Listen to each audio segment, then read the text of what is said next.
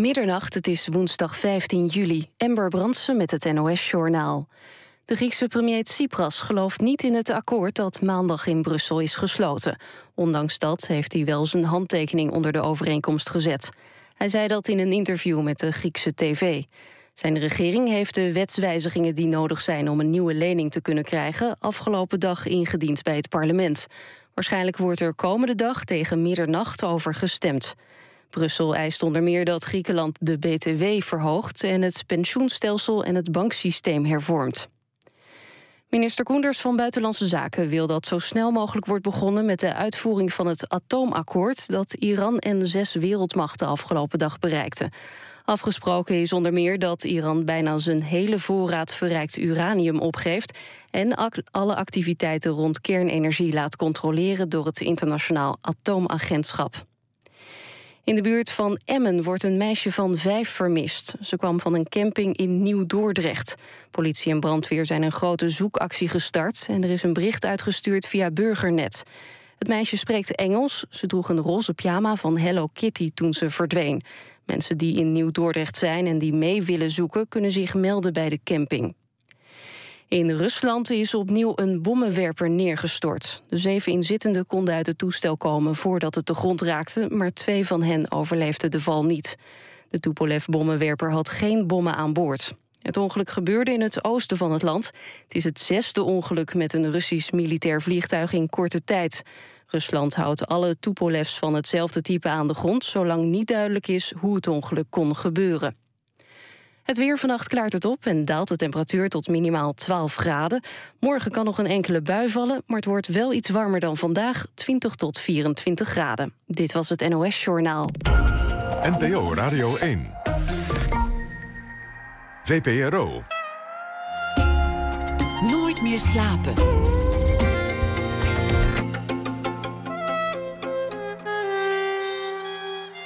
Met Anton de Goede.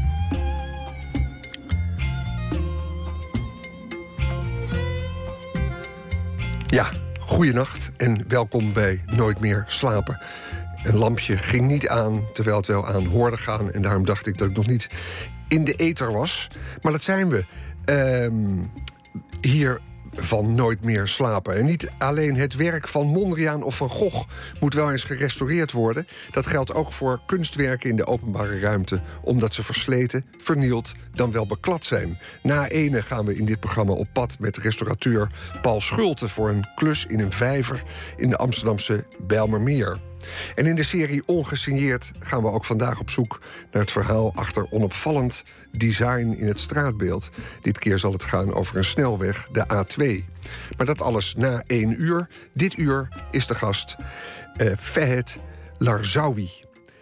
Acteur, 36 jaar oud, geboren in Gouda en van jongs af aan vervuld van twee dromen: voetballen en acteren profvoetballer worden zat er niet in wegens een blessure. En zodoende kon hij zich volledig richten op acteren. En niet zonder resultaat. En je kijkt me aan, Verhet. En ehm, je glundert, want je hebt net in de taxi iets gehoord. Vertel. Ja, ik heb net in de taxi iets gehoord. Ehm, ik heb uh, afgelopen maart heb ik, uh, uh, ben ik, heb ik meegedaan met een afstudeerfilm. de film heet Nasser. Eh, van Melissa Martens. Uh, zij is uh, dit jaar afgestudeerd aan de Hoges, Hoge Kunsten, Hogeschool voor de Kunsten in Utrecht. En um, de film is, hoorde ik net onderweg hier naartoe, is genomineerd voor de 10th Academy Award 2015. Ik weet niet wat voor award dat is. maar het is een award. Het is een award. En er wordt aankomende vrijdag wordt, die, wordt de film vertoond met de andere genomineerden. En dan wordt de prijs uitgereikt. Dus dat is wel heel, heel leuk om te horen.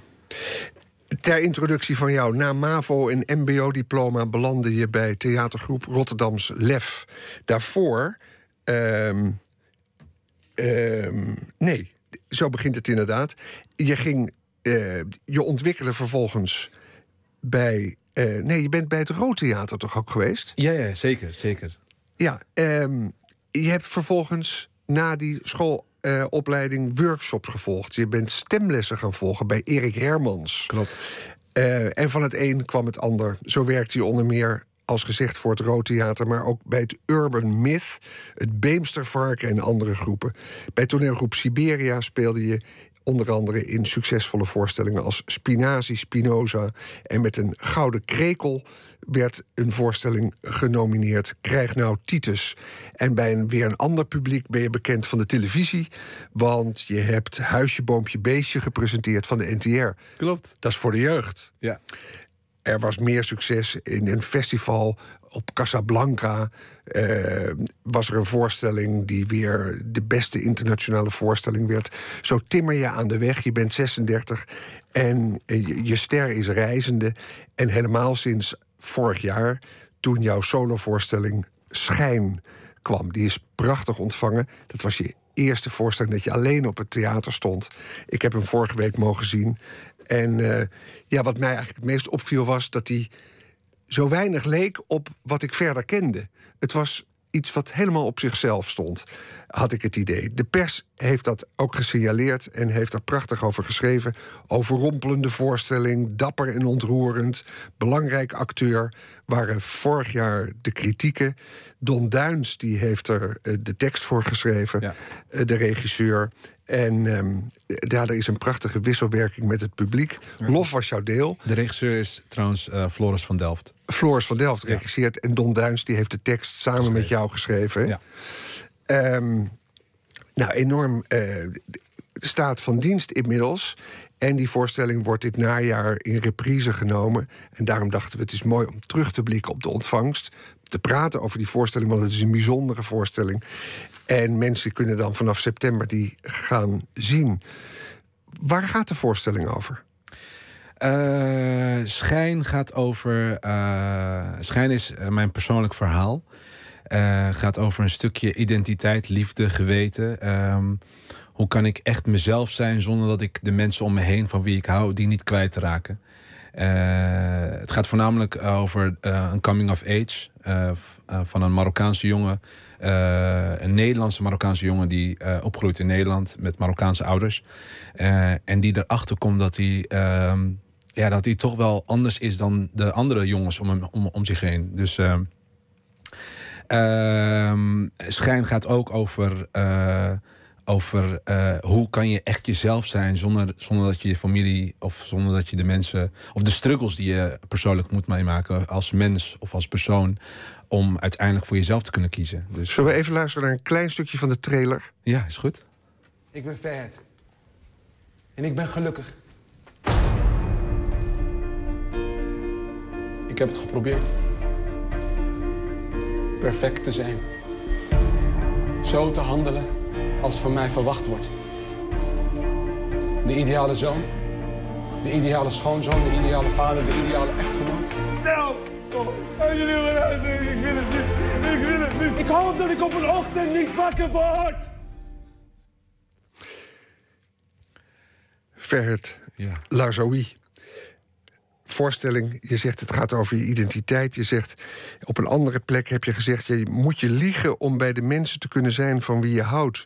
Ehm, maar hoe lang kan je leven als iemand die je niet bent?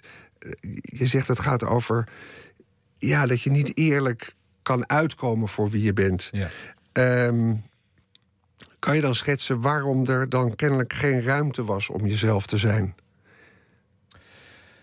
Eh, waarom er geen ruimte was? Het, nou ja, het was voornamelijk. ehm, kijk, je moet je voorstellen dat je uit een gezin komt waar, ehm, waar heel veel dingen ehm, eh, taboes zijn. Dus het, het is, het is, eh, het, mijn persoonlijk verhaal gaat over mijn geaardheid. En, en dat heb ik 1, 2, 3 niet kunnen zeggen tegen mijn ouders. Eh, omdat ik persoonlijk nog eh, met mezelf in de struggle zat. Omdat ik helemaal niet wist van oké, waar komt dit vandaan? Ehm, waarom voel ik me zo? Eh, dus ik heb, ik heb eh, dit is een zoektocht geweest eh, naar mijn persoonlijke ik. En, En wat eh, bedoel je met je geaardheid? mijn, mijn geaardheid, mijn eh, identiteit, wie ik ben als persoon. Eh, mijn, eh, ja, ik denk dat, dat, dat als ik zeg geaardheid, dat dat wel gewoon wel duidelijk is. Namelijk je seksuele Mijn geaardheid. seksuele geaardheid, Ja. ja, zeker. Ehm, en dat is natuurlijk een interessant, een interessant onderwerp, omdat homoseksuele geaardheid Hmm. in Marokkaanse kring, daar weten wij als, als niet-Marokkaan zo weinig vanaf. Mhm. Hoe dat is en hoe dat in Nederland eh, eh, bestaat en waar je tegen oploopt. Mhm. Kan je schetsen wanneer dat bij jou voor het eerst voor jezelf duidelijk werd? Nou ja, al heel vroeg eigenlijk. eh, dat ik erachter kwam dat, het, dat, dat ik iets had wat gewoon niet klopte in mijn ogen. Ehm, dus ik, ik, eh, was er wel mee bezig, maar op een gegeven moment had ik, had ik ook zoiets van: nou, oké, dit, dit hoort niet, dit kan niet, dit mag niet. Dus dat, dat gaat vanzelf weer weg. Dus ik, ik moet me richten op andere dingen. Eh, eh, nou, zoals u eh, eerder al aangaf, ik, eh, ik was heel veel aan het voetballen. Daar hield ik heel erg veel van. En, ehm, en, en ik was bezig met school. Dat vond, vond, ik, vond ik ook belangrijk. Ehm, maar ja, op een gegeven moment kom je erachter dat, dat, dat, dat, je, dat je gevoel steeds sterker wordt. Steeds sterker. En, en dan denk je van ja, ehm, wat moet ik hiermee? Eh, kan ik dit op een gegeven moment tegen mijn ouders zeggen of, eh, of niet? Eh, nou ja, het antwoord was al heel vrij duidelijk dat ik dat nooit zou kunnen zeggen. En nou, dat heb ik jarenlang voor mezelf gehouden. En ehm, ja, dat was wel een, een pittige, moeilijke struggle. Maar want, want je zegt dat nu gewoon in een zin van het was duidelijk dat ik dat nooit zou kunnen zeggen. Wat zou er dan gebeuren als je dat wel zou zeggen? Nou ja, ja, wat zou er dan gebeuren? Ja, nou kijk, ehm, kijk het, het belangrijkste voor mij was op het, moment dat, dat ik, dat ik ehm, erachter kwam dat ik dat soort gevoel, gevoelens had, eh, wilde ik, ik wilde, ik wilde er gewoon van af. Omdat ik eh, het vanuit huis meekreeg dat het, dat het niet kon, dat het niet mag. En ehm, ja, en dan ga je er tegen, tegen, tegen verzetten. Dus dan denk je van ja, oké, dit ben ik niet. Dus, dus ehm, dan ga je eh, naar oplossingen zoeken of manieren. Eh, een een manier vinden om, om ermee te leven. Om, of, het, of, het, of, of, of, of dat je het wil of dat je, om, om het weg te stoppen. Ehm, maar dat gaat niet. Het, eh, het, eh, het blijft je innerlijke strijd. En het blijft je ja, persoonlijke ik te zijn. Dus ja, je kan jezelf niet wegstoppen. Dus je komt jezelf uiteindelijk wel tegen. En ja, ik, ik ben mezelf tegengekomen. En Hoe ging dat? Waar kwam je jezelf tegen? Nou ja, dat, dat, eh, dat het niet weg zou gaan. Dat ik mezelf eigenlijk moest accepteren. En Er is ergens een, een, een- Eerst kan ik me zo voorstellen, komt er, komt er belangstelling, misschien wel als, als voetballend jongetje voor, voor andere vriendjes. En denkt: hé, hey, ik, ik voel daar eigenlijk meer voor dan. Nee, ik was daar totaal niet mee bezig. Eh, dat, ik was voornamelijk bezig met mezelf. Voornamelijk bezig om het gevoel weg te halen, weg te krijgen. Dus ehm, Het gevoel weg te. Ja, want je ontkende het eerst. Je- ja, ontkenning. Gewoon, eh, dit ben ik niet. Dit kan ik niet zijn. eh, dit is niet wie ik ben. Ehm, dus eh, zoeken naar oplossingen of manieren of, of dingen om, om te hopen dat het dan uiteindelijk op een dag weg zou gaan. Ehm, maar dat ging niet. Dus, dus dan blijf je toch wel een soort van in een, in een cirkel draaien. Dus ik was totaal niet bezig met eh, of ik nou eh, andere jongens leuk vond of niet. Of nou, Nam je mensen in vertrouwen? nee, op dat moment niet, nee. Het Je- was echt me, myself en I. Hoeveel broertjes, hoeveel zusjes heb je? Ik heb, ik, heb, eh, ik heb drie broers en twee zussen en ik ben de jongste. Ik ben een nakomeling. Geboren in Gouda. En die, zaten, die wonen nog thuis? Die wonen nog thuis, Ja. ja. Ja, niet nu. eh Nee, maar toen. Want Ja. dit speelt, je bent nu 36. En dat je daarmee worstelde was... Hoe oud was je toen? Ja, ehm, ja hoe, oud, hoe oud was ik toen ik, toen ik, ja, ik denk acht of zo. Dat ik het echt wist. Dat is heel vroeg. Dat is vroeg, ja. Maar ja, dat is daar ontwikkelt je identiteit. Ehm, wie je echt bent. Je, En weet je het niet pas op het moment dat je voor het eerst verliefd bent? Op iemand? nee, dat zouden heel veel mensen kunnen zeggen. Maar ik, ik, nee, ik, ik, eh, ik wist, nee, zo ging het bij mij in ieder geval niet. Ehm, ik wist het vanaf mijn achtste en ik had zoiets van: oké, dit is. Dit... Maar ja, je bent er, ik was er niet zo heel erg mee bezig. Ik bedoel, op een gegeven moment word je twaalf en dan ga je de puberteit in en dan. Ehm, En dan zie je films en je leest boeken en dan... dan ja, je gaat dan, naar school, je leert nieuwe mensen kennen. eh, en dan eh, wordt je gevoel steeds sterker. En dan denk je van ja, maar dit, dit kan niet. Dit, gaat wel, dit moet wel over een tijdje wegtrekken. Maar eh, niet. Het is heel mooi dat als je erover praat, dan glimlach je. En dan, eh, dan, dan is het net alsof je niet terugkijkt op een worsteling... die het natuurlijk wel geweest is. Ja, zeker. zeker. Het, is, het is een worsteling geweest. En, maar ik ben ook juist heel blij. Waarom ik. eh, waarschijnlijk glimlach ik omdat ik, ehm, omdat ik heel blij ben dat ik ehm, die, eh, die worsteling heb meegemaakt. Ehm, zodat ik nu hier kan zitten en mijn verhaal kan doen. En kan zeggen van wie ik echt ben. En, eh, en ik ben juist heel erg blij dat ik schijn heb gemaakt. En, eh, en dat ik met schijn ook de vraag wil stellen: dit is wie ik ben en hoe gaan we hier met z'n allen mee om? En, ehm, en wat ik ook zo belangrijk vind, is dat, dat ik met schijn ook heel veel mensen kan bereiken. Eh, omdat heel veel mensen. Het is een universeel verhaal. Iedereen herkent zich, herkent een stukje van zichzelf in schijn. Dus. ehm, dus en dat, dat vind ik belangrijk. Dat ik mensen kan bereiken. Dat ik mensen kan eh, eh, samen laten kan, kan komen. Eh, en dat zij. ja, dat ze bewust worden van, van, van iets wat ze waarschijnlijk. ehm, waar ze hun, hun ogen voor hebben gesloten. Ja, vet. We gaan straks verder praten over, over, over de, de mooie voorstelling... en over de inhoud die heerlijk is, die humoristisch is... en die hartverscheurend is.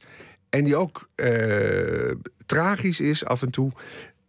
Eh, Die right between the eyes komt die aan. Straks praten we verder na de muziek.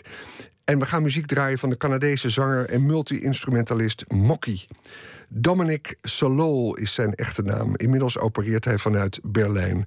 En van zijn nieuwe album Key Change draaien we het nummer Heads in the Clouds.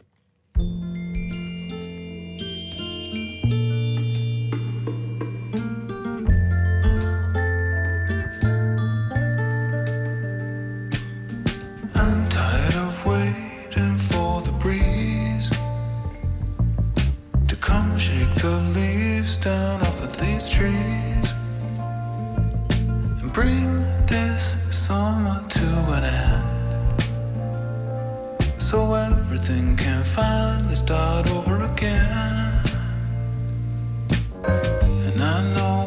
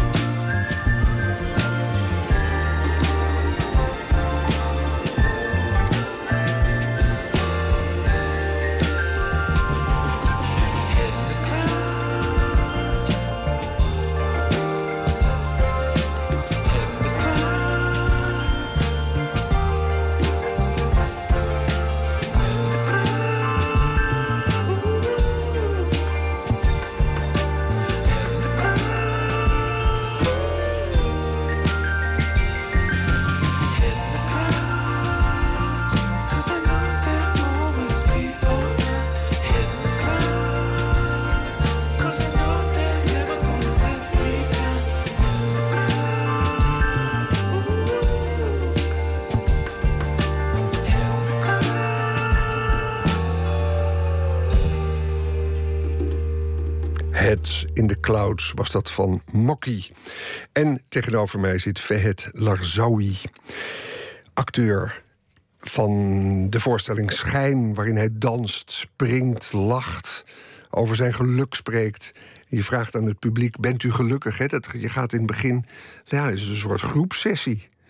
En dan uh, straal je zelf dat geluk uit en dan zeg je van, bent u gelukkig? Wat voor reacties komen daarop?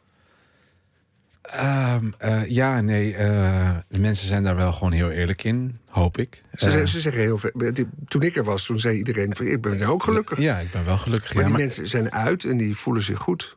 Ja, nee, precies. Maar er zijn ook. Ik heb wel een paar keer gehad dat, ik, dat, ik, dat, er, dat er iemand tussen zat die zei: van... Nou, nee, ik ben niet gelukkig. En dan ga je daar ook op, dieper op in? Ja, ik. ik nou ja, goed. Het heeft me. Het, ik, ik, ik, ik, weet nog heel goed uit mijn hoofd dat ik. Uh, uh, ik speelde in Amsterdam, podium Mozaïek. En, um, en toen vroeg ik, stelde ik de vraag. En toen uh, zei die mevrouw: uh, Nee, ik ben niet gelukkig. En ja, je verwacht eigenlijk dat iemand zegt: Ik ben gelukkig. Maar ja, het is niet vanzelfsprekend dat, dat ieder mens gelukkig is. Zeker en, niet, nee. Nee, zeker niet. Dus, dan, dus omdat ik continu alleen maar de, tijdens mijn hele. Um, uh, tour. Um, heb je, krijg je mensen die alleen maar continu ja zeggen. En zeggen, ja, ik ben gelukkig. Uh, en dat was voor mij voor het eerst dat iemand gewoon echt eerlijk wel was. En dat raakte me. En ik viel even stil en ik keek haar gewoon aan. En ik dacht van, oh wauw, ik moet hier iets mee doen. En toen ben ik naar haar toegestapt. Toen heb ik gezegd, nou, dan ga ik je een knuffel geven. En toen stond ze op, gaf ik haar een knuffel. En toen zei ze, zei ik, ja, dankjewel. Zei ze, dankjewel. Ik zeg, ja, jij bedankt. En nou ja, toen moest de zaal natuurlijk allemaal klappen. Dus, uh, ja, dus ik vind het wel belangrijk als ik, als ik een vraag stel en ik, uh, er wordt daar eerlijk op beantwoord, uh, dan moet ik er ook eerlijk op reageren. Dus ja. en dat heb ik ook gedaan. We hadden het voor de muziek over het feit dat je je seksuele geaardheid een, een aantal jaar geleden naar buiten hebt gebracht en dat dat een hele struggle was. Ja. Um, hoe heb je dat nou uiteindelijk gedaan eigenlijk? Hoe heb ik dat uiteindelijk gedaan? Um, uh, ja, maar goed. Ik, heb, ik heb, ben gewoon. Um, ik heb het tegen mijn moeder gewoon gezegd. Uh, omdat dat op een gegeven moment. Uh, kon ik gewoon niet meer. Het, de maat was vol. De emmer was vol. De, de, ik, ik, ik, kon gewoon niet meer. Ik uh, kon niet meer liegen. Ik wilde niet meer liegen. Ik wilde gewoon eindelijk een keer uh, in mijn leven gewoon eerlijk zijn en zeggen wie ik echt ben. En um, hoe reageerden ze? Um, ja, ik denk hoe alle moeders zouden reageren. Um, maar goed, mijn, mijn moeder begon, uh, begon te huilen. En dat, uh, dat is logisch. Uh, nou, ik denk dat er ook heel veel moeders zijn die het niet logisch. Die, ja, ik weet niet of alle moeders zo zouden reageren. Is nee, dat zo? Nee, ja, misschien niet. Maar, maar... Misschien alle Marokkaans-Nederlandse moeders. Ik weet het niet. Ik, ik, ik praat uiteindelijk uit mijn. Vanuit jouw achtergrond. Ja, vanuit ja. mijn ervaring. En. Uh, uh, ja, het was, het was gewoon. Het was, het was, het was even een, uh, een, een, moeilijke periode. Uh, maar ik wilde het gewoon zeggen. Ik wilde gewoon. ehm, zoals ik al zei, niet meer liegen. Ik wilde gewoon mezelf zijn. En. eh, niet meer liegen tegen tegenover mezelf. Maar ook niet meer liegen tegen, tegen de mensen van wie ik hou. Nee. Ik moest, toen ik over deze problematiek nadacht, moest ik denken aan een interview dat ik een paar jaar geleden had met Hafid Bouazza, mm -hmm. Schrijver van oorsprong Marokkaan. Um, en toen ik hem interviewde, toen uh, vroeg ik aan hem: je, hebt, je had in Nederland, een, een, of niet in Nederland, maar in West-Europa een schrijversbeweging in Amerika. William Burroughs, Paul Bowles, Allen Ginsberg.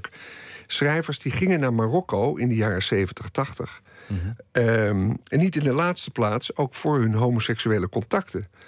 En terwijl ik altijd dacht van, nou, in Marokko is dat vast een veel groter taboe dan in West-Europa. Dus hoe zit dat? En ik vroeg aan Hafid Bouazza daarnaar en hij antwoordde dit. Weet je wat het is? Uh, het is wat achter gesloten deuren gebeurt... Daar, daar, dat, dat- dat kan eigenlijk allemaal. Het, het, is, het gaat erom, als je iets doet... dan hoef je het ook nog niet per se in de, eh, in de openbaarheid te brengen. Dat is ook wat je, als je onder bijvoorbeeld Marokkaanse homoseksuelen hier die het angst hebben om uit de kast te komen. Het is altijd een afweging van ja, ik, eh, ik, ik kan beter misschien ondergronds met mijn homo- eh, se- seksualiteit omgaan dan als ik het in het openbaar breng. Dan, dan heb ik ook nog de familiale, dus socia- sociale uitsluiting erbij.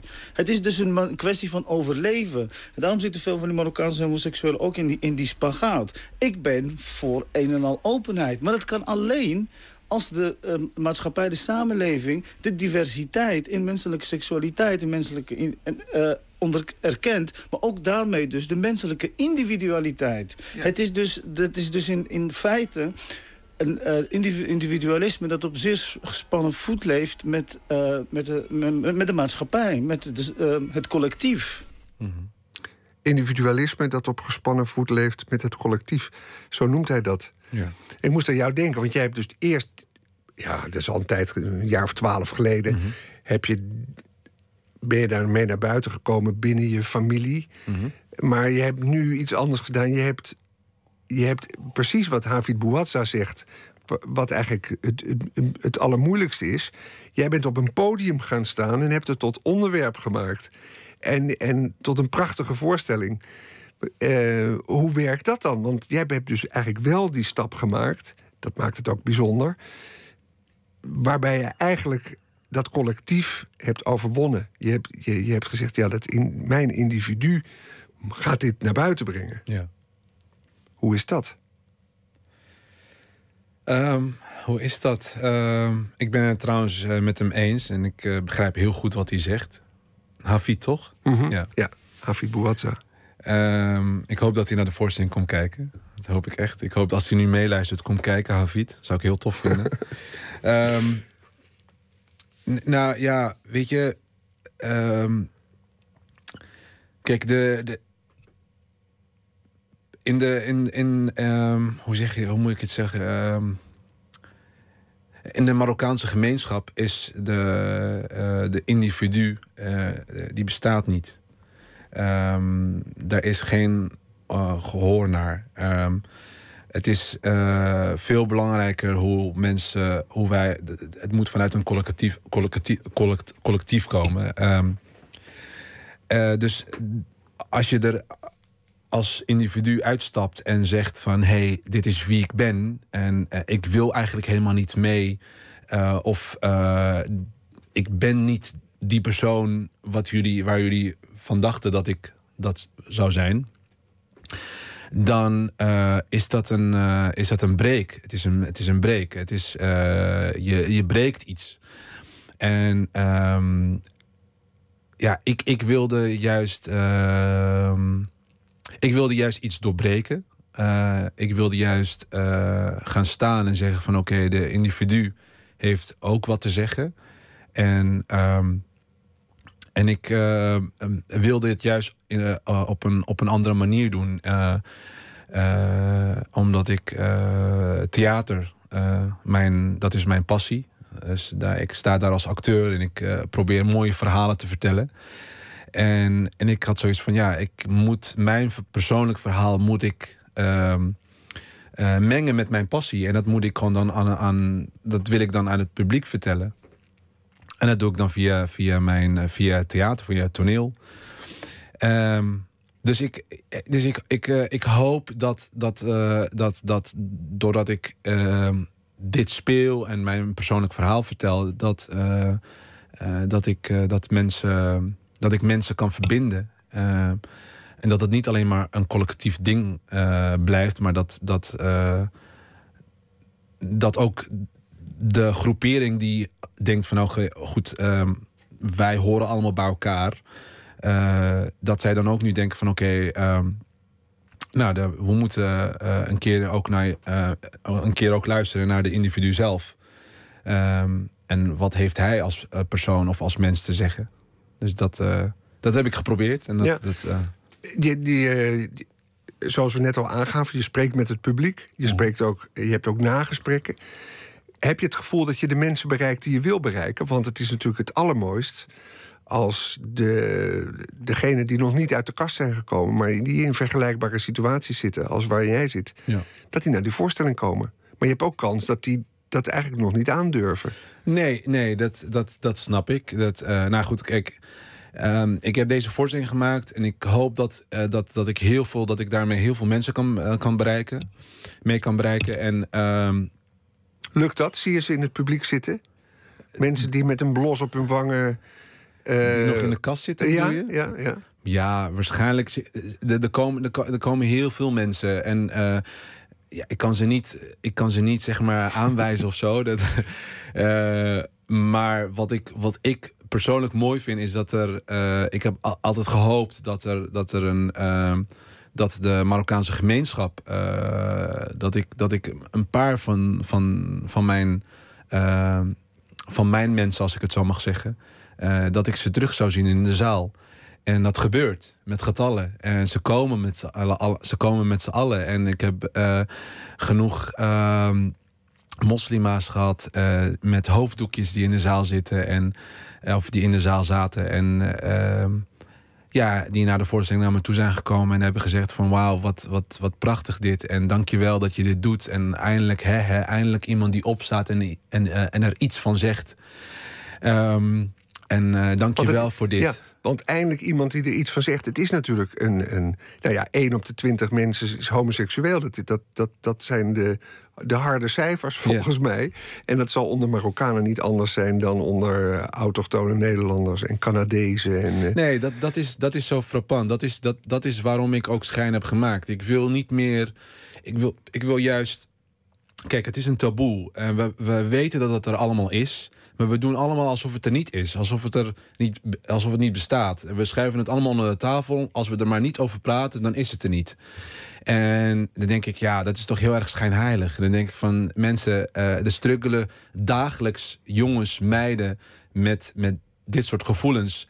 En die durven er niet voor uit te komen. Omdat... Is er dan trouwens een soort, een soort eh, eh, ondergronds leven in bars en waar dat zich wel afspeelt, maar dat waarover wa- iedereen zijn mond houdt? Waarschijnlijk, misschien, Mhm. misschien. Ik bedoel, er zullen altijd wel plekken zijn waar mensen elkaar ontmoeten en zichzelf kunnen zijn.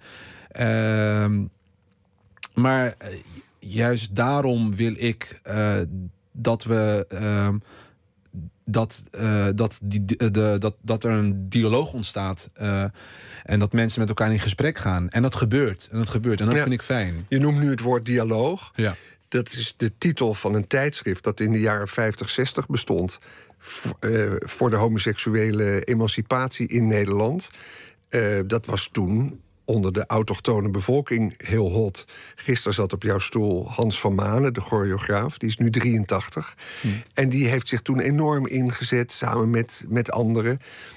om eigenlijk die hele beweging te, te ondersteunen. Je had het COC en die beweging is natuurlijk in Nederland nu minder actief. Ja, ik geloof dat er wel een, een afdeling is.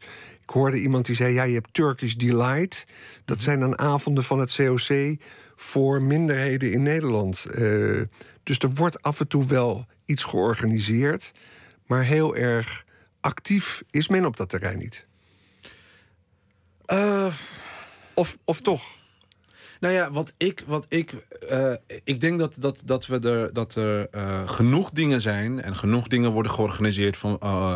Er is een boot op de Gay Pride. Ja, vorig voor, jaar. voor Marokkanen Ja, vorig jaar. bijvoorbeeld. Ja. eh, dat is al een stap. En, ehm, en, en eh, ik, ik, wil niet zeggen dat we er al zijn. We zijn Zat nog- je op die boot trouwens? Nee, nee, ik ben wel Je- gevraagd, maar ik heb keurig nee gezegd. Nee, want het gevaar bestaat natuurlijk ook met zo'n voorstelling... dat je dan opeens een soort boegbeeld wordt. Ja, dat wilde ik niet. En Ik- dat wil je natuurlijk ook weer niet. Nee, nee, nee. Ik heb, voor mij is het belangrijk dat ik, dat ik mijn persoonlijk verhaal kan vertellen eh, op toneel. En, en eh, met alle respect eh, ben ik heel erg kieskeurig met wat ik wel en wat ik niet doe. En ik eh, moet met sommige dingen oppassen. Dan denk ik van oké, als ik dit doe, dan, dan is het net too much of zo.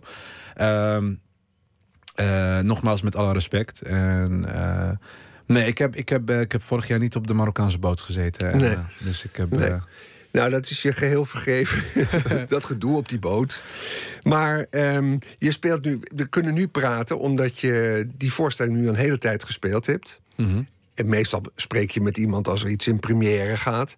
Maar nu zitten we in de unieke gelegenheid dat het najaar ga je hem weer hernemen. In een Voor soort de derde reprise. voor de derde reprise, Ja. geweldig. Eh, als je nu terugkijkt naar die voorstelling, had je. Wat, eh, wat, wat, is je, wat is er anders uitgepakt dan je in het begin dacht? Kan je daar iets over zeggen? Je hebt je, je, hebt je voorstelling, je denkt, ja. Je hebt je, hè, misschien dat je denkt, het, het gaat agressie uitlokken en dat is Oh, helemaal niet gebeurd. Of, Nee, nee. wat nee. ging er anders dan je vermoedde? Nou ja, kijk, eh, ik, ik heb eh, toen, ik, toen ik hieraan begon, eh, dat was begin 2012. eh, ik had zoiets van: ehm, ik eh, wil mijn persoonlijk verhaal vertellen. Eh, dat wil ik op het toneel doen. Ehm, het, is, het, is, het is ook mijn eerste keer dat ik daar als solo-acteur sta. En ehm, ja, kijk, ik, ik was klaar voor het, het verhaal om het te vertellen. Als je me het vijf jaar terug had verteld of gevraagd, dan had ik gezegd van nee, ik ben hier niet klaar voor. Ik eh, ben gek. Nee, nee, dat. Maar ik Is- heb daar juist de tijd voor genomen en ik wilde juist de tijd voor nemen om eh, mijn verhaal eh, eh, een plekje te geven om er naar, naar, naar, naar te kijken, om te kunnen relativeren, om te zeggen van oké, dit is wie ik ben en wat wil ik nou eigenlijk vertellen met mijn verhaal. Nou, en eh, op dat gebied was ik er klaar voor. En dan op een gegeven moment komt en dan ga je mensen om je heen zoeken, een, een team, een producent, een regisseur, een schrijver. En die willen dan met je samenwerken. En dan, dan ga, je, ga je het proces in. En dan ga je kijken van oké, wat is de vorm? Hoe gaan we het vertellen? Hoe, hoe brengen we het verhaal? En op een gegeven moment eh, vallen alle puzzeltjes op elkaar. En dan eh, is er een datum bekend eh, van oké, dit is dan de première datum. datum. En dan, ja, en dan begint het een beetje te borrelen. En dan denk je van, oh god, ik moet straks, sta ik in mijn eentje... sta ik mijn persoonlijk verhaal te vertellen aan mensen die ik totaal niet ken. Ehm, eh, er was op een gegeven moment ook een angst dat ik dacht van oké, ik ga falen. Eh, als acteur zijnde is het heel erg belangrijk dat je, eh, als je een solovoorstelling maakt, eh, eh, is het, is het, het, een solovoorstelling kan je, kan je maken of het kan je breken. Dus mensen zijn heel snel geneigd om te zeggen van oké, nou goed, we gaan lekker zitten. Deze man denkt dat hij kan acteren in zijn eentje. Nou, laat maar zien wat je kan. Dus, dus het is eh, voor mij was, was, was het. eh, ik was voornamelijk bezig van, eh, met dat ik, dat ik ehm, een goed stuk wilde maken. En een, goed verhaal. En eh, ehm, een goed spelen ook. Dat was voor mij het allerbelangrijkste. Dus natuurlijk dacht ik van oké. er zullen altijd wel mensen tussen zijn die, die, die het waarschijnlijk niet gaan snappen of niet begrijpen. Of, of hele rare reacties op gaan, eh, gaan eh, geven. Maar eh, ik was daar minder op mee bezig. Het, eh, voor mij was het belangrijkste dat ik, dat, ik, eh, dat ik daar sta en dat ik mijn ding kon doen en dat ik het goed deed. En dat is me gelukt. Het is me gelukt en daar ben ik heel erg blij mee. Ehm, en eh, de reacties zijn eh, eh, positief, vanuit alle hoeken. En ehm, ja, dus, dus ja, ik ben er niet zo mee bezig geweest dat, dat, dat er. eh, ik, vond, ik, wilde juist de, ik wilde juist niet de energie instoppen om. eh, niet de energie stoppen in, eh, in eh, hoe mensen negatief zouden reageren of zo. Nee, nee. nee. Ja. En waar je in slaagt, en dat is ook, je begint met mensen te vragen naar hun geluk en hoe ze zich voelen. En dat doe je op een eh, ontwapende manier zonder wisecracks of, of mooie volzinnen. Eigenlijk een beetje bijna onbe- onbenullig. En Ja. eh, een beetje als een soort, niet als een hele goede interviewer, maar naïef. bijna. Klopt, maar dat is ook een, eh, een- de vorm die we voor hebben gekozen. Het moet juist. ehm, het, wij wilden heel graag. Ik, ik heb aan het begin gezegd, ik wil juist. ehm, het is als je, als je een voorstelling gaat maken, dan is het begin altijd heel moeilijk. Hoe begin je? Hoe begin je? Hoe begin je een voorstelling? Sta je al op het podium? Komen de mensen binnen, ze zien je? Of kom je pas later binnen als iedereen zit, de lichten gaan aan? Eh, wat, zijn, wat is je eerste tekst? Snap je? Dus eh, het is, daar, zit, daar heb ik heel lang over nagedacht. Toen zat ik met, met de regisseur Floris van Delft bij mij aan, het, aan de keukentafel. En we zaten aan het werk. We waren aan het werk. En toen, toen stelde ik hem de vraag. Van ja, hoe beginnen we? Zei hij van ja, hoe, hoe, hoe zou je willen beginnen? Ik zou ja, ik zou willen beginnen met. eh, met me, ja, gewoon met mezelf voor te stellen. Snap je? ik bedoel, gewoon wie ik ben, wie ik ben als persoon. En wat ik eh, heel graag zou willen. En of hoe graag mensen mij zouden willen zien. Of, eh, nou, hij zegt, nou, doe eens even wat. En zo, nou, ik begon mezelf te voor, voor te stellen. En, en toen op een gegeven moment hadden we, hadden we een begin. En toen dacht ik van, dit is wel... ehm, het moet juist heel erg fragiel en simpel zijn. Eh, want dan kom je ook gewoon binnen bij de mensen. En dan, eh, ik wilde het niet zo heel erg ingewi- ingewikkeld maken aan het begin. Nee, nou, het werkt als een tierenlier. En dat komt ook omdat je er geweldig uitziet. Je, een heel mooi, knappe man. En atletisch. En na verloop van tijd ga je dansen. Mhm. En je danst, maar je danst ook op een... Ja, eigenlijk hadden we Hans van Malen die je gisteren zat moeten vragen... van wat is nou de magie hiervan? Maar het is, ja, je hebt geen dansopleiding. Althans, ja, misschien ook wel. Maar je, je bent atletisch. En, maar je, ja, het geluk straalt van je af. ook weer, in fases van dat stuk. Dankjewel, dankjewel. Nou ja. ja. eh, moet, moet, moet ik daar iets over ja, zeggen? moet je daar iets over zeggen? Het is een hele intense voorstelling. Ja. Want er is ook een scène waarin de tranen je over de wangen lopen. Klopt. En dan denk je, verrek, hij staat echt te janken nu op dit moment. Ja, En dat is ook zo. dat is ook zo. Ja. Hoe doe je dat? Want hoe hou je dat vol, avond en avond? Ehm, Dat is heftig. Ja, nou, aan het begin, toen ik, eh, toen ik net mijn première had gehad... toen had ik zoiets van, oké, eh, dit, dit wordt heel heftig. Als ik, als ik dit elke avond zou moeten doen... dan ben ik straks op en dan kan ik het gewoon niet meer. Ehm, dus ik eh, zocht naar een manier... en ik, ik stelde mezelf de vraag van, oké, wat is anders dan dat ik... Wat is nu anders dan dat ik doe bij andere voorstellingen bijvoorbeeld? Ik zeg, ja, ik, moet het waarschijnlijk gewoon zien als een voorstelling. En ik moet gewoon, als ik aan het spelen ben, moet ik het verhaal zo goed mogelijk vertellen. En dan moet ik eh, in het moment zitten. Eh, zodra ik erin zit, dan zit het publiek er ook in. En als er emoties bij komen kijken, dan komen ze. En dan laat ik ze ook gewoon gaan. En als ze niet komen, dan komen ze niet. En, en zodra de voorstelling klaar is, dan is de voorstelling gewoon klaar. Ik zie het gewoon als een voorstelling en dan ga ik gewoon lekker naar huis. ja, en dat...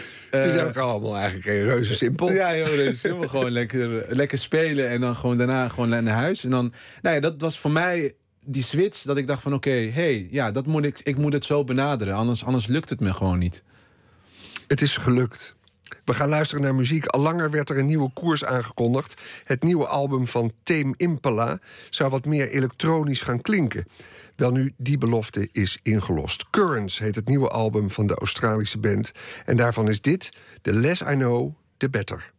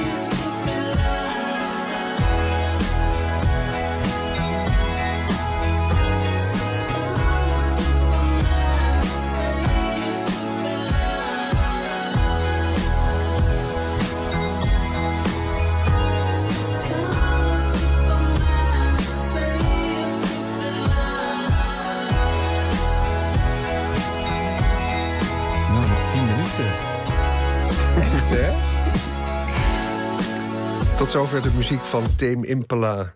Juist, daar was hij. De band uit het Australische Perth. Hier hoorde u ze met The Less I Know The Better. En tot het nieuws praat ik hier met Fahed Larzawi.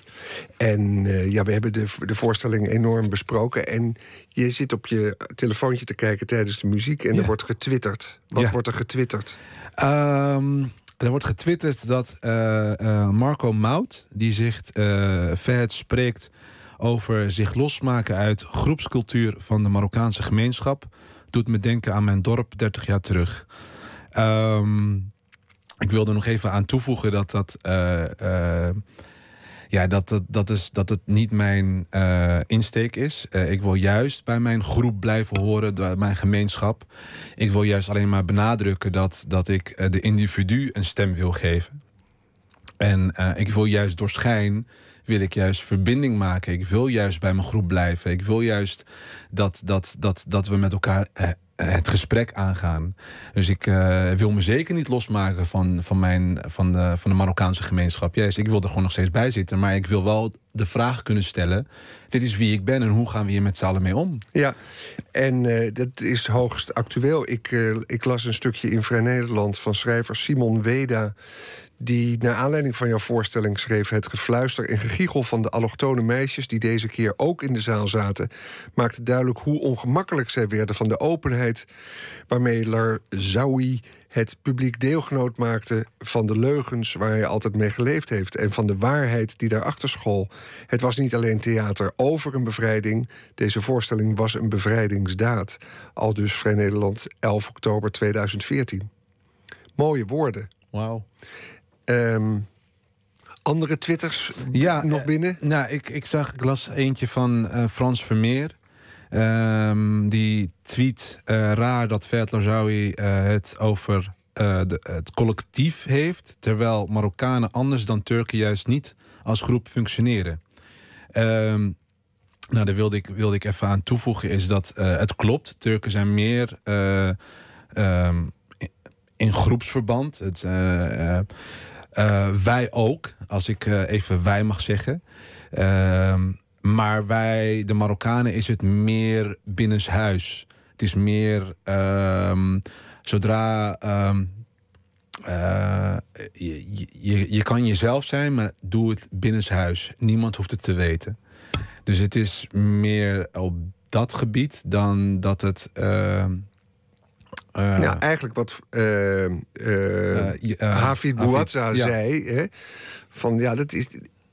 Oké, eigenlijk alles kan, maar hou het een beetje ja, binnen, binnen, Ja, binnen zolang, zolang de andere mensen het maar, dus Mhm. de- zolang de buitenwereld er maar niks van af weet, of het maar niet ziet, het niet meekrijgt, dan is alles goed. Ja.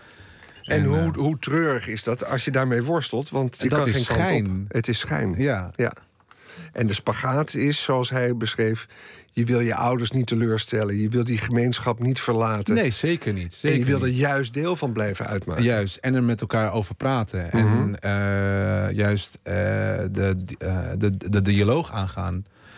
Behalve dat deze voorstelling nu wordt hernomen in september. En die gaat er het land mee door. Komt eerst geloof ik nog in de Bali in Amsterdam. Heb je hem ook gespeeld eerder dit jaar op Curaçao. Ja, Hoe was dat? ja, dat was echt zo fijn, zo mooi, zo. Ehm, ja, weet je, Curaçao stond al heel lang op mijn verlanglijstje als, eh, als, eh, als eh, vakantieland om, om er gewoon naartoe te gaan. En nu kon ik dat dit jaar gewoon doen met mijn eigen solovoorstelling. Ehm, ik, ik stapte uit het vliegtuig en ik was meteen verliefd. Ik was meteen verliefd op, op het eiland, op de mensen, om, op, op het weer. Eh, eh, ja, het heeft zoiets met me gedaan. Het was zo magisch. Eh, ik heb drie dagen gespeeld daar. En alle drie waren stijf uitverkocht. Mensen zaten zelfs op de trap. Ehm, ja, En kwamen ze af op de problematiek die jij schetste? Nee, totaal niet. Het- de- wat ik zo mooi vond is dat, dat, eh, eh, dat, dat de, hoe wij hier, hoe ik hier de, de, de voorstelling verkoop eh, met, eh, met, eh, eh, in, de, in de media, hebben zij dat netjes meegenomen en ze hebben er eigenlijk gewoon ehm, eigenlijk niks meegegeven waar het over gaat. Ehm, En dat vond ik zo sterk. Eh, dus eh, mensen werden alleen maar nieuwsgieriger. Die, die dachten van, oh, een Marokkaan op ons eiland. En die komt een verhaal, een persoonlijk verhaal vertellen. Eh, ehm, een stukje identiteit, liefde, geweten. Hoe kan je jezelf zijn zonder bla bla bla. Nou, dat, dat, dat vraagt, dat, dat triggert sommige dingen. En nou ja, daar, daar waren ze heel erg nieuwsgierig naar. En dan komen ze naar de voorstelling. En ik heb, ik heb begrepen dat, dat eh eh, heel erg veel van eh, comedy houden. En die gaan lekker zitten en die willen allemaal gaan lachen en zo. En dat gebeurde ook tijdens mijn voorstelling. Maar op een gegeven moment werd het heel stil.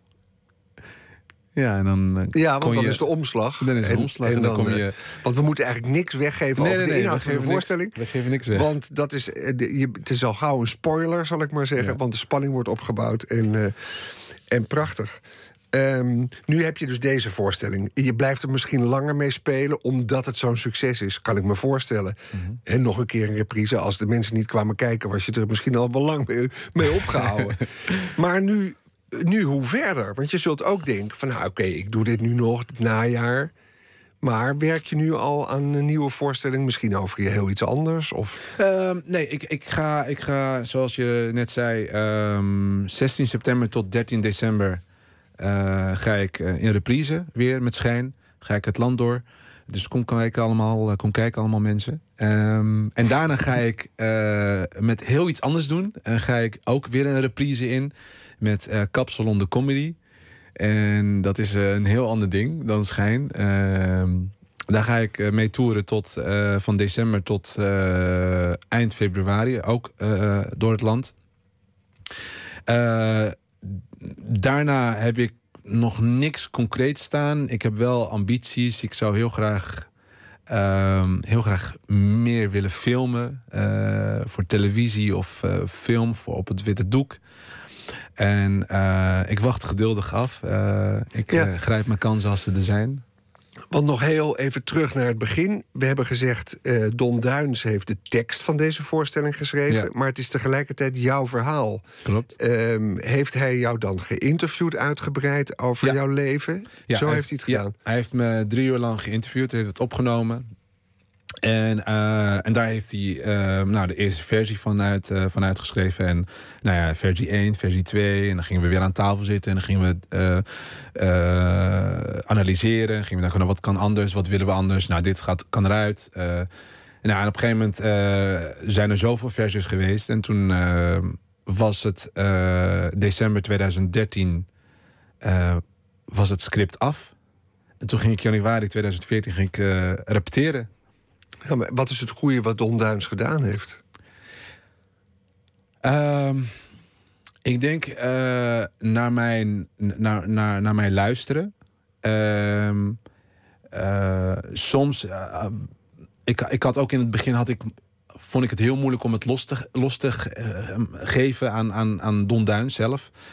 Ehm, ja, je bent toch bang dat, dat, dat, dat er opeens iets anders van wordt gemaakt.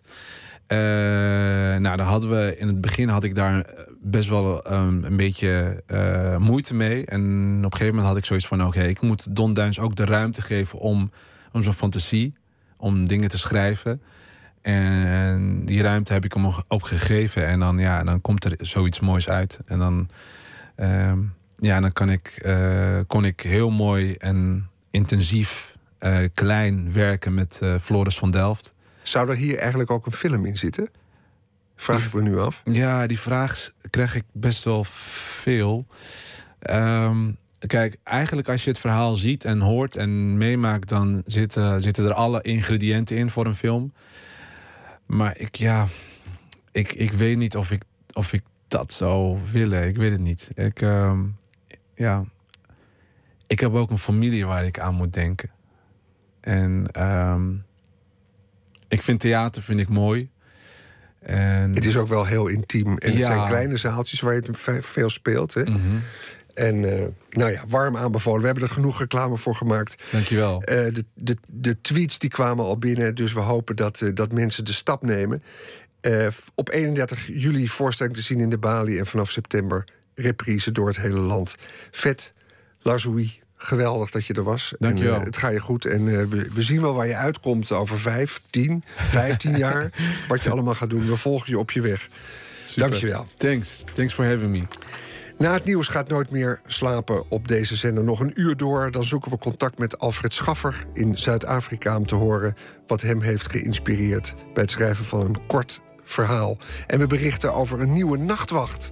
Nieuwe versie van het schilderij van Rembrandt. Schilderij dat kijkers uitdaagt na te denken... over stereotypen met betrekking tot ras, cultuur en geslacht. Dat en meer straks na het nieuws van 1 uur.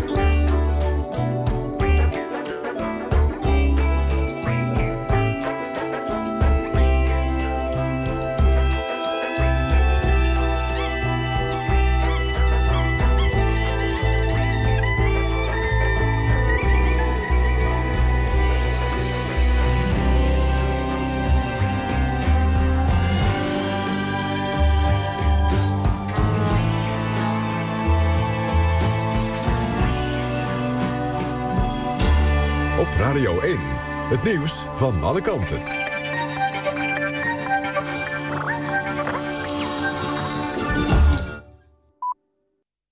1 uur Ember Brandsen met het NOS-journaal. Een meisje van vijf dat in Nieuw-Dordrecht bij Emmen werd vermist... is weer terecht. Ze is vlak buiten de camping gevonden waar ze met haar ouders verblijft. Volgens de politie is ze in goede gezondheid. Het Engelstalige meisje verdween halverwege de avond van de camping. De politie zette daarop een grote zoekactie op touw. De Griekse premier Tsipras gelooft niet in het akkoord dat maandag in Brussel is gesloten. Ondanks dat heeft hij wel zijn handtekening onder de overeenkomst gezet. Hij zei dat in een interview met de Griekse tv. Zijn regering heeft de wetswijzigingen die nodig zijn om een nieuwe lening te kunnen krijgen ingediend bij het parlement. Waarschijnlijk wordt er komende dag tegen middernacht over gestemd. Brussel eist onder meer dat Griekenland de BTW verhoogt en het pensioenenstelsel en het banksysteem hervormt. Minister Koenders van Buitenlandse Zaken wil dat zo snel mogelijk wordt begonnen met de uitvoering van het atoomakkoord dat Iran en zes wereldmachten afgelopen dag bereikten. Afgesproken is onder meer dat Iran bijna zijn hele voorraad verrijkt uranium opgeeft en alle activiteiten rond kernenergie laat controleren door het internationaal atoomagentschap. In Rusland is opnieuw een bommenwerper neergestort. De zeven inzittenden konden uit het toestel komen voordat het de grond raakte, maar twee van hen overleefden de val niet. De Tupolev-bommenwerper had geen bommen aan boord. Het ongeluk gebeurde in het oosten van het land. Het is het zesde ongeluk met een Russisch militair vliegtuig in korte tijd. Rusland houdt alle Tupolevs van hetzelfde type aan de grond, zolang niet duidelijk is hoe het ongeluk kon gebeuren. Het weer vannacht klaart het op en daalt de temperatuur tot minimaal 12 graden. Morgen kan nog een enkele bui vallen, maar wordt het wel iets warmer dan vandaag, 20 tot 24 graden. Dit was het NOS Journaal. NPO Radio 1. VPRO. Nooit meer slapen.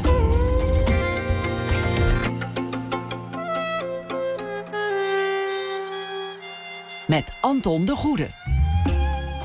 Welkom terug bij Nooit meer slapen. Het Delftse bedrijf Kunstwacht restaureert kunst in de openbare ruimte.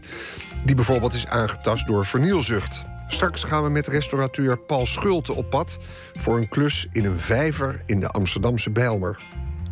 En in de serie Ongesigneerd gaan we weer op zoek naar het verhaal achter onopvallend design in het straatbeeld. Straks zal het gaan over een snelweg, de A2. Maar we beginnen dit uur met de schrijver die reageert op iets wat er in de wereld is gebeurd. En dat doen we deze week met de in Zuid-Afrika verblijvende Alfred Schaffer. Debuteerde in 2000 met de dichtbundel Zijn opkomst in de voorstad. En daarna volgden Dwaalgasten, Schuim, Kooi en het vorig jaar verschenen Mens, Dier, Ding. Goeienacht, Alfred. Goedenacht, Anton. Hoe is het ermee na gisteren? Ja, goed. het is, eh, we zitten hier eh, eh, behoorlijk in de kou. Letterlijk, verder niet. Maar het is, het is hier winter en ehm, ik zeg dat dan wel eens tegen Nederlandse vrienden. En ze zeggen, ja, god, het is hier 12 graden. of 14 of soms zelfs 18. Maar er, we hebben in dit land natuurlijk geen centrale verwarming. En dan is 6 graden s'nachts bijvoorbeeld best koud in huis. Dus wat dat betreft is even iedereen op zijn tanden aan het bijten. Maar verder gaat het goed. We hebben in dit land geen centrale verwarming. Waarom eigenlijk niet? Ja, omdat het hier denk ik toch te vaak eh, goed weer is. Het is hier misschien een paar maanden echt koud in het binnenland. Ehm, ja, en dan is dat gewoon veel te duur om dat aan te leggen, denk ik. Ja. Maar eh, de huizen hebben geen strafverwarming, dus het is koud. Op dit moment zit ik er ook met dikke truien aan eh, achter de telefoon. Terwijl wij hier in t-shirtjes rondlopen. Ja, Ehm, heel vaak is het eh, net omgekeerd. Nou, is, eh, nou herinner ik me de woorden van Martin Bril. Die zei altijd, het weer, dat is geen item. nee, dat is geen item. maar als je vraagt hoe het is, is de kou bij, voor mij betreft op dit moment het meest prominent aanwezig. Oké, wat in het nieuws heeft jou vandaag geïnspireerd tot een verhaal? Een, eh, een klein bericht dat, dat ik hier in Eyewitness News tegenkwam, maar nog niet wat ik ervan mee kan pikken op de Nederlandse websites van de kranten. New visa rule forces Dutch teenagers to turn back. Ehm, sinds 1 juli ehm, zijn in Zuid-Afrika van home affairs, eh, dus van binnenlandse zaken af, de bepaling dat minderjarigen met een onverkorte eh, geboorteakte moeten reizen om in het land binnen te komen. Waarschijnlijk angst voor smokkel of kinderhandel of zoiets. Er is nog nooit iets gebeurd met kinderen op het vliegtuig. Acht eh, jongeren die hier eh, vrijwilligersdienst kwamen doen in Zuid-Afrika... zijn weer terug naar Amsterdam gevlogen... omdat ze niet over de juiste papieren beschikten. Dat vond ik eigenlijk wel een interessant, eh, een interessant bericht. Ja, vertel wat je erover op papier hebt geschreven. Ik heb er een klein dialoogje van gemaakt op de terugvlucht naar Amsterdam. Je had niet zo moeten schreeuwen tegen die vent René, dan hadden we er misschien doorgemogen. Dan vlogen we nu veilig ergens boven Sudan. Er doorgemogen? Zag je hem dan niet kijken? En dan die vrouw naast hem. Ze stonden gewoon te genieten. Ik wil niet veel zeggen, maar het is jouw schuld. Ik had toch gezegd, mond houden. Suzanne, René, jij ook. Het is jullie schuld. Wat een gezeur zeg. Sorry als ik me ergens mee bemoei, maar mag ik vragen wat er aan de hand is? Suzanne, René, ik, de andere vijf zitten een paar stoelen achter ons. We kwamen een paar maanden vrijwilligerswerk verrichten in Zuid-Afrika. Maar we mochten niet aan boord van het Swiss Airlines toestel... omdat we geen onverkorte geboorteactes bij ons hadden. En de geboorteactes waren niet in het Engels. Ja, eikel. Zijn jullie minderjarig? Hadden jullie ouders daar niet op moeten letten? Mark, je hoeft er echt niet alles te vertellen, hoor. We zijn nog net minderjarig, mevrouw. We hebben op het vliegveld nog snel alles via e-mail doorgekregen en de documenten laten zien.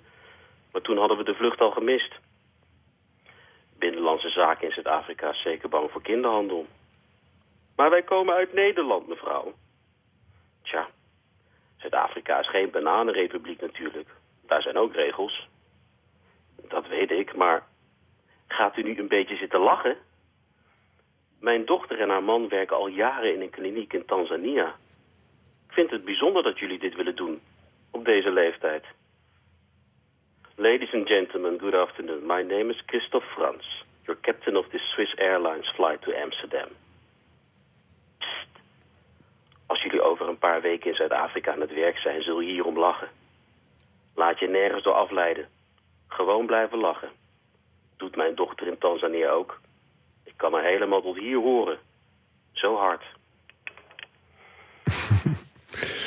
Wat leert ons dit, Alfred Schaffer? Eh, uithuilen en opnieuw beginnen zou ik zeggen. Want het is natuurlijk wel een hele mooie aanleiding dat jongeren minderjarigen eh, hier komen vrijwilligerswerk te doen. Ik kan me voorstellen dat het dan een beetje kinderachtig lijkt... Dat, omdat je de juiste papieren niet hebt eh, terug moet naar Amsterdam. Maar eh, ik vond dat eigenlijk nog het mooiste aan het bericht. Dat er dus minderjarigen zijn die naar Zuid-Afrika willen komen om vrijwilligerswerk te doen. Dus ik hoop vooral dat ze zich niet laten afschrikken hierdoor. En gewoon weer opnieuw proberen binnen te komen. En dan met de juiste papieren. Dat, zou, eh, dat is toch altijd een aanwinst zou ik zeggen als mensen willen helpen in de wereld. Zo is het. Alfred Schaffer, fantastisch dank voor je bijdrage. En eh, het gaat je goed. En morgen horen we je weer. Ja, tot morgen. Dag. Dag. En wij gaan hier draaien muziek van de Britse folk-popband The Magic Numbers. Geformeerd uit twee broer-zus-koppels. Ze bestaan al een jaar of tien. We laten hun versie van Crazy in Love horen. De grote hit van Beyoncé.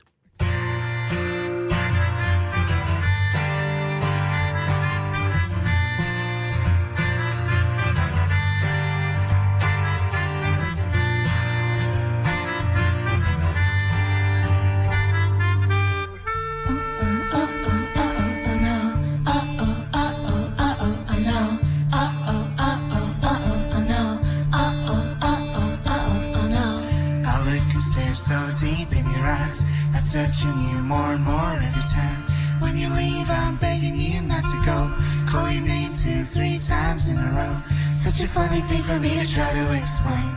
How I'm feeling and my pride is the one to blame. Cause I know I don't understand just how your love can do what no one else can. Got me looking so crazy right now. Your love's got me looking so crazy right now. Your love got me looking so crazy right now. Your touch got me looking so crazy right now. Your touch got me hoping you page me right now. Your kiss got me hoping you save me right now. Looking so crazy, your love's got me looking, got me looking so crazy, your love.